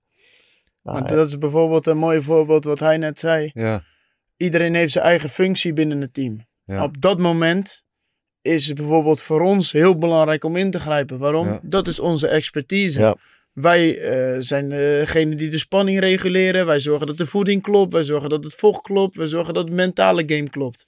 Dus dat is bijvoorbeeld een mooi voorbeeld van... Heel Tuurlijk. vaak stellen mensen, waarom staat die strength en conditioning coach in de hoek? ja. Die weet toch niks van kickboksen af? Nee, Alleen er, is, er komt zoveel meer, bij, kijken, Ja. dan alleen een kickboksen. Plus Ja. het feit dat uiteindelijk de hoofdtrainer is degene in mijn ogen die alleen communiceert met de vechter. Klopt. En die uiteindelijk, en hoe vaak zie je niet dat ze juist omdat er drie kickboxmensen daar staan, Alle ze met drie de drie, Ja, met z'n drie en eigenlijk door elkaar heen staan te brullen. Ja, en simpelweg eigenlijk geen enkele boodschap bij die vechter binnenkomt. Nee. Kijk, uiteindelijk willen we maar één ding. Dat is dat de boodschap overkomt bij de vechter en dat de vechter het uiteindelijk kan toepassen. Dat is cruciaal. ja, Dat is, dat is, dan ben je een goede coach. Dat is uiteindelijk wat we willen. En dat is bijvoorbeeld een mooi voorbeeld eh, van wat er zou kunnen gebeuren. En waardoor bijvoorbeeld onze rol weer belangrijker wordt. Maar bijvoorbeeld als we eenmaal in de hoek staan, ja, dan is onze rol heel miniem. ja. Dat is simpelweg ademhaling reguleren als ze terugkomen. En voor de rest is het eh, genieten van de show. Ja. Ik, ik begrijp het ook nooit. Je ziet Inderdaad, wat jij dat voorbeeld noemt, hè, dat zie, je ziet het heel vaak. Dan zie je drie Ja, coaches, Ja. hele eh, tegen zelfs, vechten. eh, En dan denk ik, ten eerste, drie stemmen door elkaar lijkt me niet handig. Ten tweede, al die informatie, dat hoofd van die vecht zit helemaal vol. Die Klopt. moet juist kalm worden. Weet je, je je ziet soms coaches die het wel goed doen, die gewoon in een paar zinnen, gewoon kort en duidelijk, je moet dit, dit en dit doen. Dat is En een gewoon- uitzondering, hè? Ja, het zijn echte uitzonderingen. Kijk, maar dat dat, Ik vind dat vaak bij de, eh, bij de UFC. En wij kijken dan heel vaak tussen de rondes. Gaan we Ja. gewoon simpelweg eigenlijk analyseren wat die Ja. coaches doen. Waarom wij zijn zelf coaches en vinden dat leuk. Ja, Maar daar zie je bijvoorbeeld wel dat ze heel veel verder zijn, vind ik. ja, Juist omdat die sport nog extremer is en er nog meer druk en er komt nog meer bij kijken. En simpelweg eerst even ademhaling regelen, rustig worden. En dan Ja. geven ze twee of drie kernwoorden aan. ja. Nou, Kijk. dat is te verwerken. Ja, Ja. precies. Want dan zie je ook gewoon, eh, die sporter komt eh, terug naar die hoek. Hartslag 180, adrenaline spuit door zijn lijf, pijn, zit in de zone, soms zwaar paniek. Die gast die komt nog niet in de hoek en drie man duiken op hem en moet je voorstellen. Het is één grote stoorzender die uh, op je net komt. Dus bijvoorbeeld met zaken hadden we een hele duidelijke taakverdeling. De eerste, 30 seconden waren voor mij 15, 20 seconden gewoon alleen maar ademhalen. Rust uh, herstellen. Ja. ja. en dan deed Mike zijn ding. Ja. En dan is heel duidelijk wie wat zijn taak is. Ja. En op het moment dat je hè, elkaars expertise respecteert, maar ook weer het beste creëert voor die vechter, ja. heb je nooit een probleem. Nee, dat is ook duidelijk. Ja, En, en bijvoorbeeld ook bij de UFC, hè, die- met die camera erbij en die microfoon, dan zie je gewoon een coach, bam, bam, bam, ja, Die geeft één of twee aspecten. Dan knikt hij die andere coach aan. Heb jij nog iets? Hij komt met, eh, op Ja. sluit zich aan bij wat hij vorige coach. En klaar. Ja. In plaats van als, als, als Nou, emotionele personen eh, hun eigen emoties botvieren op die vechter. Ja. Je helpt die vechter er niet mee. Nee. Sterker nog, je bent ballast voor hem. Je bent geen enkele toegevoegde waarde meer. En voor mij is coaching daadwerkelijk iets toevoegen op het moment dat het gevraagd wordt wat het verschil kan maken.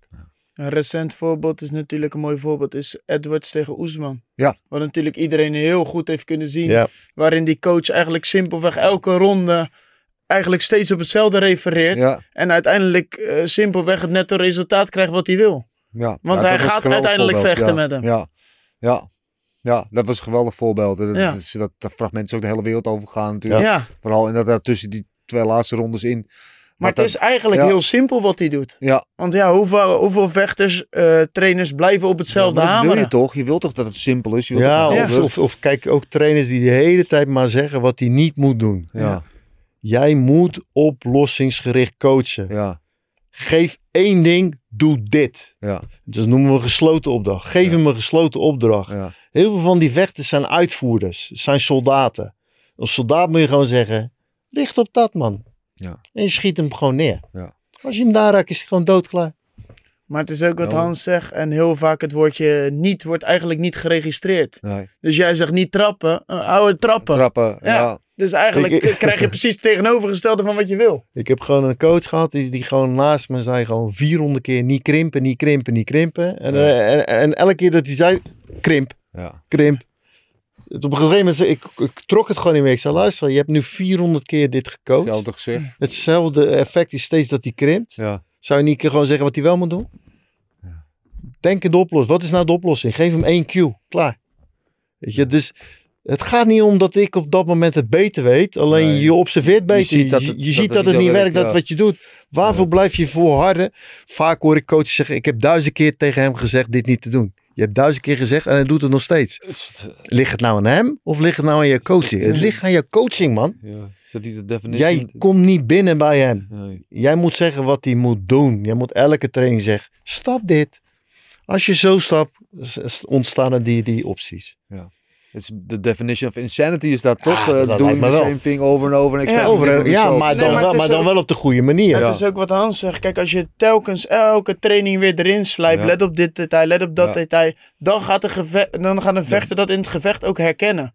En het kan natuurlijk nooit zo zijn dat je eh, in een training eigenlijk altijd maar basics doet of bepaalde Mm. dingen doet. En in een, in een gevecht ga je hele andere Een dingen coachen. hele andere dingen vragen. ja, dus die vechter herkent niet wat jij zegt. Dus hij begrijpt het niet. En kan je nagaan uitvoeren.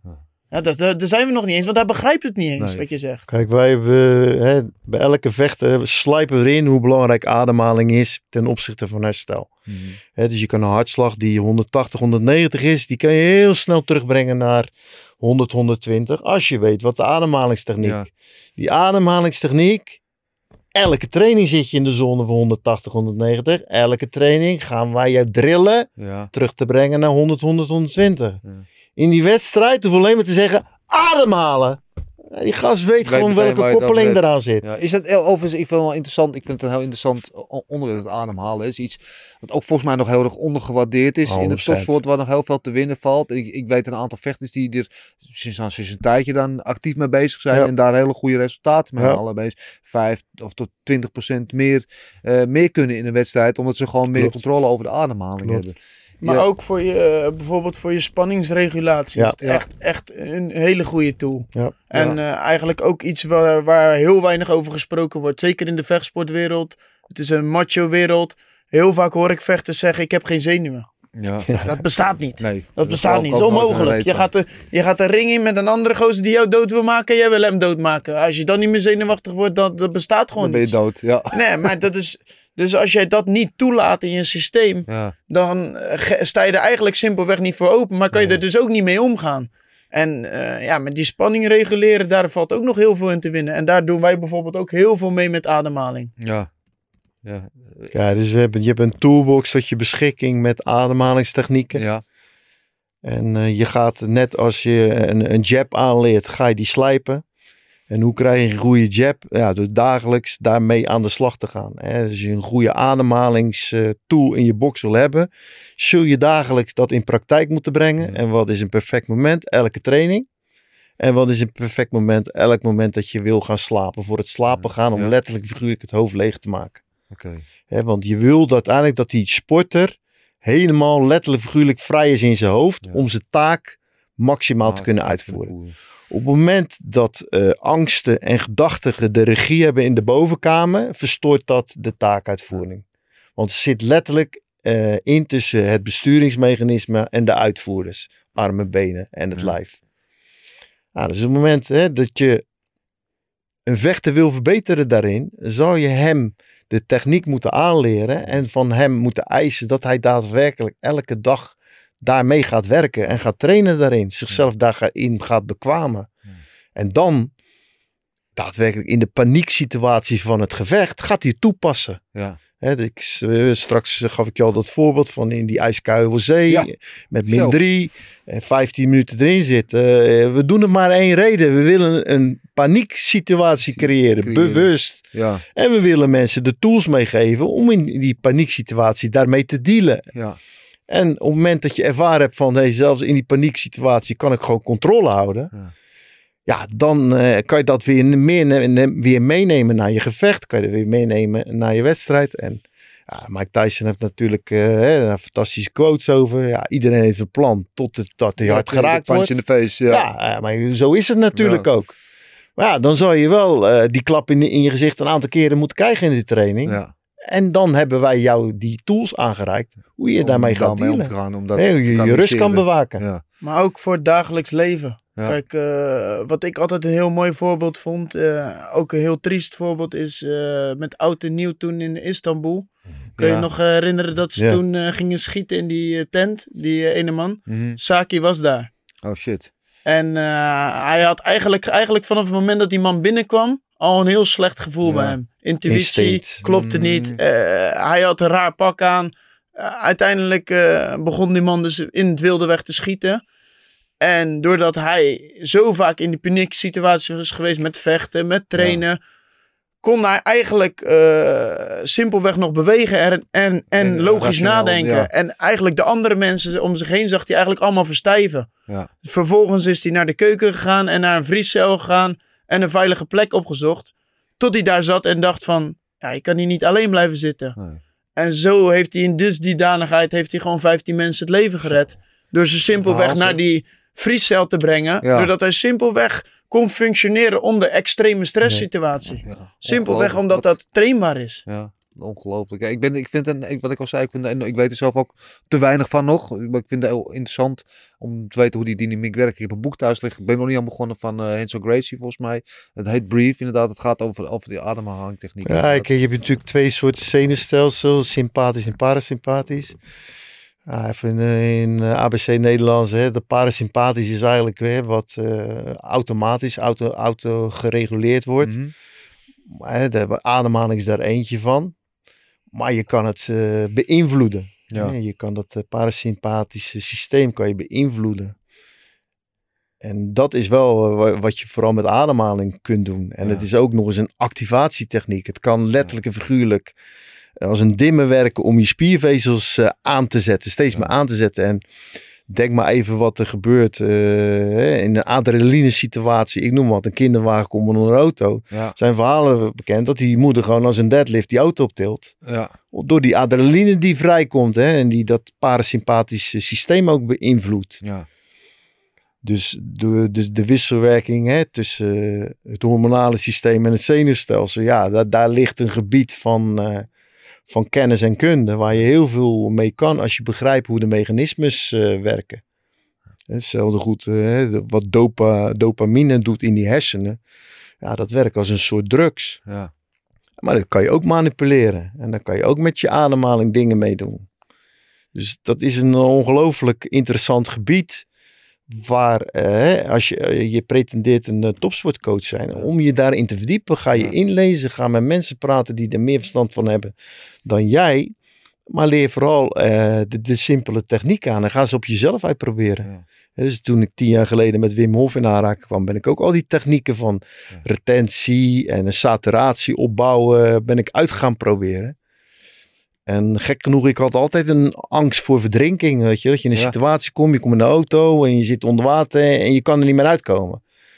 Dus op het moment dat ik mijn adem moest gaan inhouden, raakte ik al heel snel in paniek.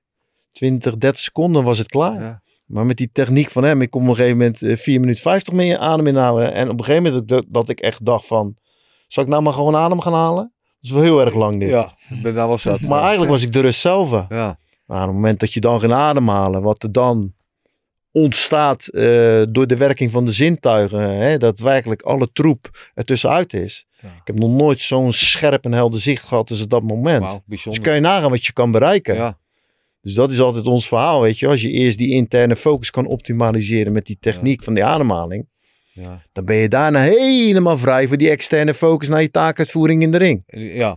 Want er zit niks meer tussen. Ja, Dus alle zintuigen staan aan. Ja. Alle troep, gedachtegangen, alles is gecleand. Het hele systeem. Ja, is dat niet interessant? Maar, lijkt me razend interessant. Dus zou ik denken, hè, als je in een team zit, dat iemand die expertise heeft en dat toepast op, op jouw vechten, ja. eh, warm welkom toch? Ja. Welkom aan boord. ja, tuurlijk. Top man, interessant dit. Elk, elk procent is er eentje, toch? Ja, net zo goed als ik het fantastisch zie. eh, als ik zie dat een kickboxcoach zo patroon het inslijpen is. Ja, Dat elk patroon wat hij drie maanden lang getraind heeft. Tot in de detail klopt. Ja. In de uitvoering van zijn taak in de ring. Wow, ik zat helemaal zo tering zeg. Ik zeg, ouwe, gewoon zwaar respect voor jou. ja, Ga gewoon buigen voor je. ja. Elk dingetje wat hij zei kwam gewoon uit. Maar ook wat ook bijvoorbeeld mooi, eh, mooi is, was, is bijvoorbeeld eh, als Mike en Saki aan het petsen waren. Mhm. En Mike paste bijvoorbeeld één detail aan. Ja, Dan hoorde je gewoon Ja, gelijk de klap van de impact. ja. Dan hoorde je gewoon omhoog gaan. ja. En dat was dan bijvoorbeeld echt een mini detail van Echt, draai je je voet eens in. voet, Zet je voet eens iets meer naar voren. Ja, En eh, wat hij net al aanhaalde bij die eh, laatste 16 toen in eh, Tokio. Ja, als hij dan een aanpassing maakte met, met een low kick bijvoorbeeld. Of met een middentrap. Vloog Mike gewoon de lucht in. ja. Nou, we weten allemaal wat Mike niet de lichtste is eh, die, die, die er is. houden Maar dat was, dat, ja, dat was zo uniek om te zien. En dat is eigenlijk eh, precies wat wij ook Ja. non-stop aan het doen zijn. Ja. Je bent non-stop details aan het aanpassen. Ja, totdat het bijna eigenlijk perfect is. Ja, En op een gegeven moment, is, is, is je expertise zo goed. ja, dat je met je ogen dicht aan het geluid van de wind en het geluid van het contactmoment wordt, dat de efficiëntie hoog is. ja. Dat is echt, dat is echt zo. Mooi. Je, kun- ik zeg ook tegen die vechter, sluit nou eens gewoon ogen, luister nou eens gewoon wat er gebeurt. Ja. Je hoort gewoon aan de impact dat die on point is. Het klopt gewoon. Ja. En op het moment, hè, de- wat, wat Jordan dan zegt, maak één kleine aanpassing. Bang, je hoort gewoon dat geluid die, Ja. van dat moment van contact. Wow. Ja. Ik heb hetzelfde. Ik heb met Mike ook een, po- een poosje getraind ook inderdaad. En mensen denken dat Mike zit altijd op het bankje en weet je wel. Dus, maar Mike is- heeft zo- zo'n oog voor detail. Ja, ja. En ik ben helemaal een boerenpummel amateur. Maar was hij aan het trainen. Dan zei hij, als je nou trapt en je zet je voet, inderdaad wat jij zegt, net een klein stukje die kant op. Dan, maar ik denk, wat zegt hij nou? Weet je, ik doe dat al twintig jaar op deze manier. Ja. En, eh, en- Maar goed, oké. Dan, dan doe ik dat. En pats, denk ik, hé, hey, Ja. dit voelt opeens heel anders. ja, en op dat moment heb je 100% vertrouwen in alles wat hij zegt. 100%. En dat, is, en dat is wat je wil. En En mooi dat je het ook zegt. Kijk, eh, heel vaak hebben mensen de misvatting van iemand. Ja, zonder dat ze daadwerkelijk ooit er zijn geweest. Ja. Dus heel vaak eh, horen wij mensen iets over ons zeggen. Of komen we mensen tegen en, denken, Ja, ja, ja. en zeiden ze van... Oh, wat een zo ander beeld van jou. Maar waarop creëer jij je beeld? ja. Heel vaak delen de mensen een Aannames. mening over iemand. Zonder dat ze diegene ook ooit maar één training bij ons hebben gezien. ja. Of eh, inderdaad wat jij zegt, ooit maar één keer bij Mike's Gym naar binnen ben gelopen. Ja. Hoe kan je in godsnaam een mening vormen? Het bestaat niet. Nee. Waarom? Je hebt geen idee wat we doen, waarom we het doen en hoe we het doen. Ja. En dat is, dat is wel iets ook wat ik heel vaak tegen, Ja. eh, tegen aanloop. Papegaaien. Ja, dat, dat, dat mensen Ja, maar dingen roepen. Aannames. Ja. Of Ja. ze zien één beeldfragment. Wat zo'n stukjes van de Ja. puzzel. En op het ene puzzelstukje gaan ze die hele puzzel je beoordelen. heel Ja. verhaal omheen. Maar nogmaals, eh, ik heb er helemaal scheid aan. Eh, ik Ja. weet eh, waarom ik dingen doe. Ehm, ik, ben, ik weet dat ik gewoon super kritisch ben naar mezelf. Je hoopt natuurlijk altijd, weet je wel, dat mensen herkennen en erkennen eh, dat je een vakspecialist bent. Ja. Maar van een no-no die dat niet herkent, ja. Maar de resultaten spreken voor zich. Daarom dus toch? Laat ze maar lullen allemaal. Eh, ik wil naar het volgende onderdeel. Dat is de tijdmachine. What we're gonna do right here is go back, way back, back to the time. I'll be back. Eh, ja, tijdmachine is onderdeel hier in de podcast. eh waarin we dus gasten, jullie dus in dit geval, eh, de kans geven in de tijdmachine te stappen. Terug te gaan in de tijd. En naar een moment wat je graag opnieuw zou willen doen. Het kan ook een moment zijn dat je denkt van nou dat was zo glorieus. Mooi dat die euforie wil ik nog keer voelen. Kan ook een moment zijn van nou dat heb ik niet zo handig aangepakt. Dat kan beter. Laat ik het nog een keer proberen. Ik geef jou de eerste kans. Ik eh, zou sowieso niet voor een moment kiezen dat ik denk dat had ik beter kunnen doen. Waarom Nee. niet? Eh, ik geloof in het feit dat je bepaalde fouten moet maken om dingen te kunnen leren. En dus ik denk dat uiteindelijk elke fout die we maken eh, ons weer beter maken als trainer, als mens. Dus eh, ik kies dan. eh, voor mij was dat het moment dat ik de eerste keer eh, zelf in de hoek stond in een heel groot stadion. En dat was met eh Zakaria Zugari in eh Gelderdoom. Ja, Dat eh, won van die en Amerikaanse jongen. Ja, en dat eigenlijk simpelweg gewoon een gruwelijke partij neerzetten. super wedstrijd. En ja. de, wij waren één partij daarvoor gestart met samenwerken. Daarvoor sloeg hij die Fransman knock-out. Ja. Nou, dat is bijvoorbeeld een voorbeeld van een jongen die, ja, waar onze handen van gaan jeuken. Die technisch zo verschrikkelijk goed is. Maar eigenlijk simpelweg nooit fit was. En waarbij Nee. simpelweg het plaatje eigenlijk nooit helemaal compleet klopte. ja. Ja, en op dat moment zag iedereen gewoon eigenlijk heel de wereld hoe goed hij was. En eh, dat was de avond van Baderico. Maar eigenlijk was het de avond van hem. Want Ja, hij gaf de gewoon show. de show Ja. van de avond op dat moment weg. En eh, alles wat we mooi vonden in kickboksen zat in die partij. Dus Ja. ja. dat was voor mij een eh, moment waar ik nog steeds kippenvel van Kippenvel, krijg. Ja, ja, Ja, ja, geweldig. En dat is iets eh, ja, waar ik tot op de dag van vandaag nog steeds filmpjes van terugkijk. En als ik een keer een dag geen zin heb om te werken, wat zelden voorkomt hoor. Maar dat, ja, je even terug refereert naar zo'n moment dat je denkt, ja, daar doe ik het allemaal voor. Ja, ik, ik wist, dat vind ik wel mooi. En ik wist eigenlijk niet dat jullie toen met Sugari werkten. Ik weet wel in die periode dat hij, ik aan hem merkte dat hij een omslag maakte. Ja. Want Ja. hij stond altijd last, uh, te boek was een beetje lastig, lui, wil niet trainen, niet luisteren. Weet je, Ja. een beetje onhandelbaar, ruzie met trainers, bla bla. Was Ja. altijd wel wat aan de hand. Terwijl iedereen, uh, weet Stevie Wonder kon zien, dat hij buitengewoon getalenteerd was. Ja. Ja. Alleen dat, het, ja, dat hij niet alles eruit haalde. En, Ja. en ik merkte toen aan hem ook een mentaliteitsverandering. 100%. Dat zo open stond, wel Het echt-. En, Ja, het is echt heel jammer dat toen eh, natuurlijk dat coronatijdperk kwam. En Ja. ja. ja, hij simpelweg eigenlijk weer in die zwarte gat viel waar, die, waar Ja. we hem eigenlijk net uit uitgetrokken hadden. gevist. En eh, hij zou natuurlijk eh, twee maanden geleden weer zijn comeback maken. Tegen die eh, Mexicaan die nou tegen Tegen Patch stond voor de titel. Alleen eh, hij heeft helaas een blessure opgelopen aan zijn biceps. Dus het mocht helaas niet zo zijn. Maar Nee. als hij dat momentum door had kunnen zetten, dan eh, had ik hem zelfs heel graag tegen Patch gezien Ja. eh, voor, een, voor een hele mooie rematch. En dan had ik hem een hele grote kans gegeven. Waarbij ik op dit moment heel veel vechters geen kans geef tegen hem. Nee. Ja. Nou, ik eh, ben benieuwd. Ik, eh, vanuit zou ik op geen afstel hopen. Dus Nee, zeker niet. Zeker niet. Ik Ja. hoop dat hij snel terug is. ik hoop het ook. Eh, Hans, jouw moment? Poeh, goeie vraag. Ik denk toch wel eh, dat ik in eh, mijn begintijd, vooral met die vechters, eh, te weinig gebruik gemaakt heb van communicatieve skills. Waardoor ik nog beter in staat was geweest om kennis en ervaring over te dra- dragen. Ik vond al te snel als aanname dat mijn norm hun norm zou moeten Ja. zijn. Ik denk als ik dat eerder dat inzicht eh, had toegepast wat ik nu heb, maar ook van hoe ik het nu doe, eh, integreren in mijn werkwijze, dat ik nog meer uit die jongens had kunnen halen. En het tweede waar ik toch aan- gelijk aan moet denken is, eh, kijk bij Saki, toen hij de overstap maakte naar de UFC, wist ik al vanaf dag één dat het team niet klopte. Nee. We zijn toen ingezet op All Stars Gym Ja, in Zweden. in Zweden. Ja, eh, alle respect voor hè, wat voor grote vechters daar vandaan gekomen. En nog steeds. Hè, eh, onze nieuwe coming star Kamzat, ja. eh, in de UFC. Die, die komt natuurlijk uit die stal. En het grappige was toen wij daar waren als voorbereiding eh, van Saki's Westen Las Vegas. Was hij de schoonmaker daar.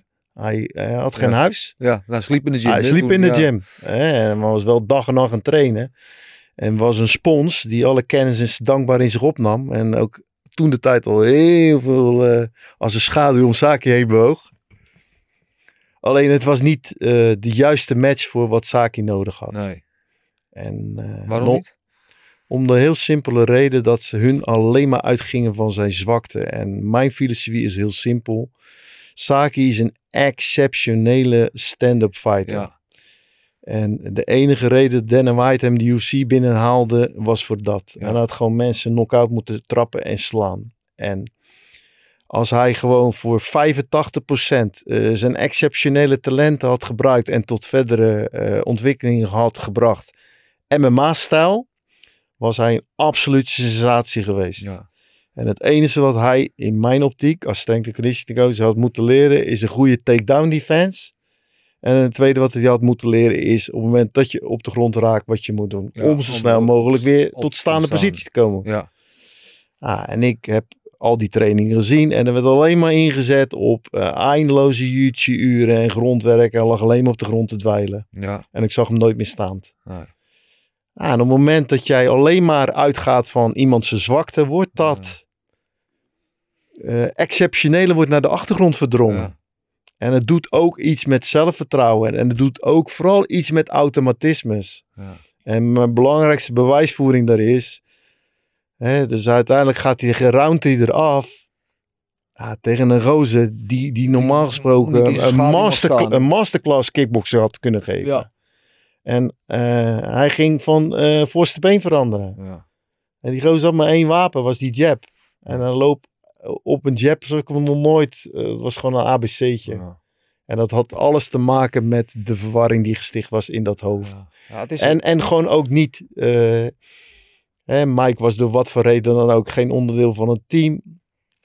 Hij was gewoon de man die eh, de belangrijkste man in dat team had moeten zijn. En daarnaast had er aanvulling bij moeten komen. Ja. En we hadden gewoon simpelweg ons camp niet in Stockholm en in Vegas moeten houden. Maar dat is gewoon camp gewoon in Nederland moeten houden. Ja. Dan hadden we eigenlijk alle perfecte Ingrediënten. ingrediënten hadden we in huis. Hè. We konden bij Musashi eh, het grondwerk doen.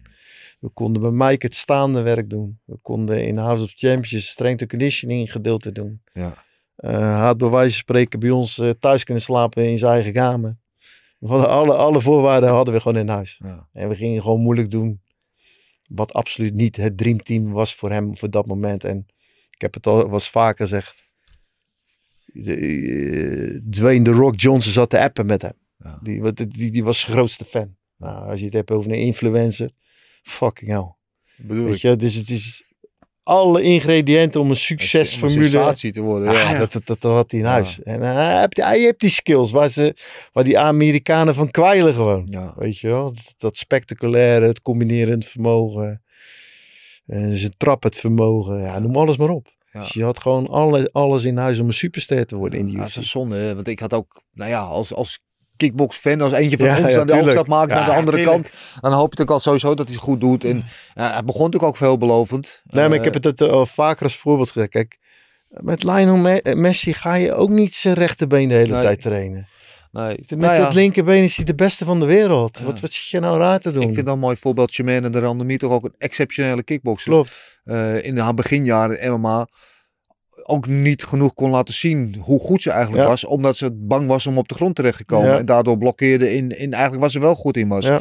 En op een gegeven moment heeft ze die omslag gemaakt. En, en eh, zag je dus wel de kwaliteit in erbij. En wat heeft geresulteerd dat hij kampioen werd. En dat ze nu nog steeds in, in, in de top vecht. Eh, maar die heeft ook heel lang daar mee geworsteld. Omdat ze Ja. ja. focus op de, misschien wel op de verkeerde dingen. Inderdaad. Ja, op het negatieve. Ja. Ja, ik heb met Jermaine er best wel vaak over gehad. Zij ziet ook die parallellen. Ja. En eh, dit is gewoon wel de belangrijkste les eh, die, die elke trainer coach in zijn achterhoofd moet houden. Weet je wel. Ga uit eerste instantie altijd wat, wat iemand zijn kracht is. Ja. En zijn kracht, daar, daar, daar ligt de maximale groeipotentie. Ja. En maak dat exceptioneel. En kijk wat eh, bepaalde zwakke lekken zijn. Maar ga wel die verhoudingen een beetje reëel wegzetten. Ja. Weet je wel, zie dat gewoon bij wijze van spreken 80-20, 70-30. Maar ga niet helemaal doorslaan dat je voor 90% mee bezig bent wat, wat, die- wat hij alleen maar niet kan. Want hij Nee. gaat er nooit absolute wereldtop in worden. Nee. Het is alleen maar om een lek te dichten. Ik zeg altijd, we moeten alleen maar zorgen dat we weten waar de nooduitgang zit. Ja. We hopen dat we er nooit doorheen hoeven. nee. Maar als, als het brand is, moeten we wel weten, oké, we het wordt nu echt zijn. heet, moeten we Ja. weg gaan rennen. Daar zit die deur. Sprinten nou. Weet je wel, dit is het enige wat je moet leren, Ja. toch? Ja, dus benader het vanuit dat en, en, dan ontstaat er een hele andere dingen. Ik, ik ga nog één voorbeeld geven, weet je, Mahin de Verkerk, een judoka die bij me binnenkwam. Die trainer zegt, nou, is niet veel hoor, dit. Ik ging tien minuten met haar. Ik zeg, nou, ik zeg, ik weet niet wat jij ziet, maar dit is fucking wereldmateriaal, dit. Wat een potentieel. Die meid werd gewoon vijf, vier jaar later wereldkampioen. Ja. Uitverkocht Ahoy. Ja. Ik heb nooit zo'n exceptionele topsporter meegemaakt. Vrouwelijke versie. Nee. Monster. Monster. Ja. Waar zat het dan in dan? Bij, uh, krijg je gewoon bij elke training kippenvel. Ja? Kippenvel. Je hebt, d- dat zijn dingen, wat ik je net ook al zei. Sommige dingen moet je niet lezen of beschrijven. eh, die zien, moet je zien en voelen. Maar vooral voelen. Ja. Als, je, als je bij haar de gym binnenkwam, ook al was jij, eh, weet ik veel, stucador of zo. En je kwam bij ons trainen en zij was aan het trainen. Ging je automatisch 10% harder. Als Ja. je dat niet voelde, ja, Ja. dan was je Ja. geen mens. Ja. Dat was Zo, ja, dat is zo, zoveel kracht, zoveel emotie, zoveel wilskracht. Dat is niet normaal. zo Zij intens. zei, ja, Intens. ze- ik, heb haar, ik heb haar 14 jaar getraind. Ja. In die 14 jaar heb ik haar twee keer weggestuurd. Dat ik zei van ga nou naar huis. Ja. Het lichaam is gewoon op. Ja. Die, al die andere trainingen waren precies wat hij zegt. Als je het hebt over energie krijgen. Ja. Daarna wou je maar één ding. eh, Ik wil zelf gaan Zelf- trainen. Ja. Wow. En iedereen, eh, hè, of de stukken door of de boekhouder, die kreeg het gevoel ook bij haar. Er zat zoveel drive in haar. Zoveel eh, energie. Ehm, ja, onbeschrijfelijk wat, wat, Jordan terecht zegt. Dat moet je voelen, moet je zien. Dat ik elke keer tegen hem zei, ik snap niet dat er geen mensen komen kijken naar haar. Ja. Nee. Nee, maar ook bijvoorbeeld, waar hebben wij het ook heel vaak over. Eh, ik snap bijvoorbeeld niet dat zij eh, geen groot podium krijgt. Nee. De energie die zij had, die zij op mensen kan overdragen. ja, Als je dat een podium kan geven, dan d- dat is zoveel van te leren. Ja. Dat is on, onbeschrijfelijk. ja. Maar Vraag, vraag, vraag maar aan al die Ja. Saki tot en met toe. Ja. Je traint vandaag met minder. Oh shit. Ja. Ja, zoals ik dan zei van, joh, hij zei, die wie is mijn partner vandaag? Zei ik, mijn hinder. Nee, zegt hij, kan niet waar zijn. Nee, nee, maar een ander keertje. Ik zei, nee vriend, mijn hinder vandaag. Ja. Omdat hij wist, zij gaat het uiterste uit je halen. Er is geen andere optie. Het is een dwingende situatie. Het is eh, do or die. Eh, fight or flight. Ja, echt wel fantastisch eh, energie die zij kon losmaken bij als trainer, coach, maar ook bij elke medesporter die er aankoppelde. Ja, dat was gewoon genieten van de eerste seconde tot de laatste seconde. Ja. Maar was hij inderdaad ook, want het niet de meest getalenteerde was, maar wel gewoon puur door de drive nou, en de dan- dan- motivatie. en, ja, en- dan is natuurlijk de vraag, wat is een talent? Dus ik ben daar wel op teruggekomen. Kijk, wat zij in de mentale drive had, dat is ook een talent. ja. ja, precies. ja. de- dus ik vind, zij is, eh, motorisch was ze ook een talent, want ze had enorme motorische skills. ja, Alleen, het was gek genoeg geen te- technicus. nee. En er zijn ook coaches die geprobeerd hebben, nadat ze wereldkampioen werden, gingen ze ineens heel veel techniektraining met haar doen. Ja, Ah, ze heeft twee jaar lang geen deuk meer in een pakje boter gegooid. Huh. Enerzijds was het de verwachting, nou ben ik wereldkampioen, nou moet ik het laten zien. Dus mentaal kwam er... eh, Ja, een, andere pressure. Ja, en die trainercoach wou ineens dingen gaan doen met haar waar ze gewoon niet goed in was. nee.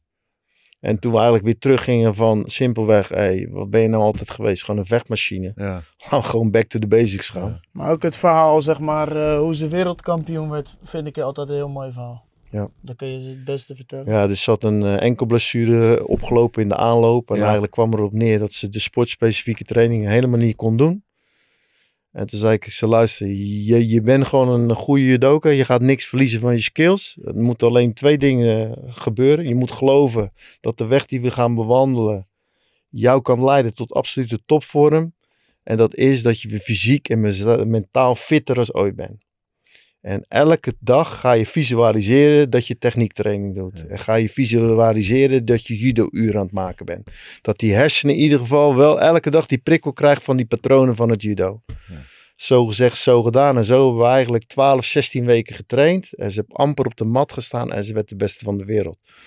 In een uitverkocht Ahoy. In een grote eh, mondiale sport. Ja. En judo is echt een grote sport. Het is geen, eh, niet zoals kickboksen. Dat elke boerenlul zich wereldkampioen noemt. Als je wereldkampioen bij judo ben je echt de beste van de wereld. Want er is maar één mond. Ja. En dat geeft mij aan dat hè, op het moment dat je noodgedwongen een bepaalde weg in moet staan. En je gelooft hè, dat dat de weg is die jou kan leiden tot absolute top. Je alle traditionele denkpatronen kunt doorbreken. Want elke hè, judoka of judo-trainer gaat zeggen: ja, maar ze moet judo, ze moet judo-uren maken. Ze heeft de timing nodig, ze Ja. heeft eh, het ritme nodig, ze noemen dat, of ze hebben die vorm nodig. Vorm, vorm is iets wat in je hoofd zit. Bestaat geen vorm. Nee. Het is, ja, wat jij ervan maakt hier. Ja. Ja, ik was niet in vorm vandaag. Oké, en morgen wel. Ja.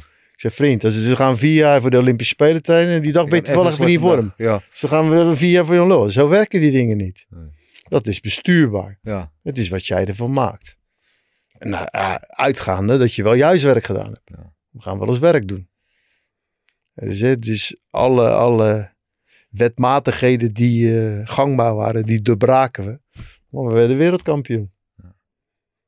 Mooi. Ja, dus dat, dat zijn wel mooie dingen. Dat hè, de, de dingen soms eh, heel anders kunnen zijn dan dat jij ze geleerd hebt. Of dat jij gedacht hebt dat ze zijn. Schitterend. Schitterend verhaal. Ja, Mooi. dus ik vind dat wel eh, mooie, mooie leermomenten die je mee kan nemen. En eh, ja, die, die, die elke keer weer in de praktijk blijken dat, dat er meer mogelijk is dan je voor werkelijk houdt. Dat is een mooie tijdmachine was dit. Ehm, ik wil naar het laatste onderdeel gaan. Dat is onze Mount Fightmore. Beter gezegd Mount Fightmore. dat is eh, ons onderdeel eh, Mount Fightmore. Ken het ook Mount Rushmore met de Amerikaanse presidenten. Dit is eh, ooit deze podcast gestart met Marloes Koenen. Hij had MMA-kampioen. En het waren onze vier inspiratiebronnen eigenlijk waarom wij de passie voor de vechtsport kregen. Van de mensen die het nog niet weten. Uh, van links rechts natuurlijk uh, Ramon Dekkers, Bas Rutte, John Bloeming en uh, Bruce Lee. Ik, we hadden in de vooraf uh, met de dekking hadden we Bruce Lee of Schwarzenegger. Zei u allebei Schwarzenegger. Ik weet veel hand dat Bruce Lee ook ooit een inspiratiebron was. Ja. Maar ga je nu uh, Schwarzenegger zeggen? en, of iemand anders misschien nog met andere woorden vragen aan jullie. Wie is voor jullie de inspiratiebron ja, in wat jullie doen?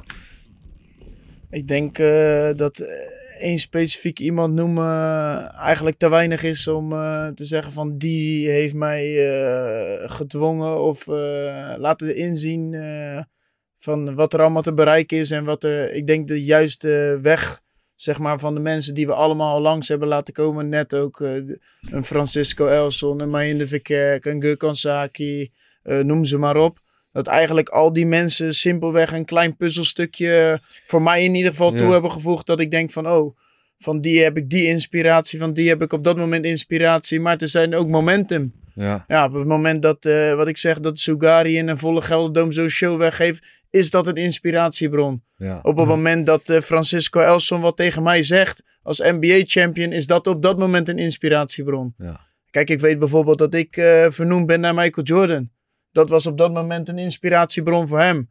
Maar ik denk dat er heel veel uh, ja, in fases en eigenlijk in momentum je eigenlijk van iedereen wat meepikt. Ja. En eigenlijk probeer je van iedereen ja, de mooie dingen mee te pakken. Dus ik ja, persoonlijk heb niet echt een specifiek iemand. Ja, ik sluit nee. er helemaal bij aan. Ja. Kijk, het enige wat ik wel met Schwarzenegger vind. Kijk, Schwarzenegger heeft gewoon fitness op de kaart gezet, wereldwijd. En daar ben ik hem eeuwig dankbaar voor waar ook ter wereld. Uh, als ik als getrainde man mijn shit te doen, dan uh, Schwarzenegger hoor je dan. Dus het is een wereldwijd begrip geassocieerd met uh, een bepaalde gespierdheid. Ja. Ah, hij heeft eh, fitness geaccepteerd gemaakt. Hij heeft het uiteindelijk eh, geschopt tot senator van eh, Californië. Dus als bodybuilder die altijd gezien werden als leeghoofden. Hij heeft wel iets eh, gedaan waar ik eh, veel respect voor heb. Maar ik heb wel dezelfde inspirators als Jordan. Ik, Ja. ik, ik, ben echt geïnspireerd door de mensen waar we mee gewerkt.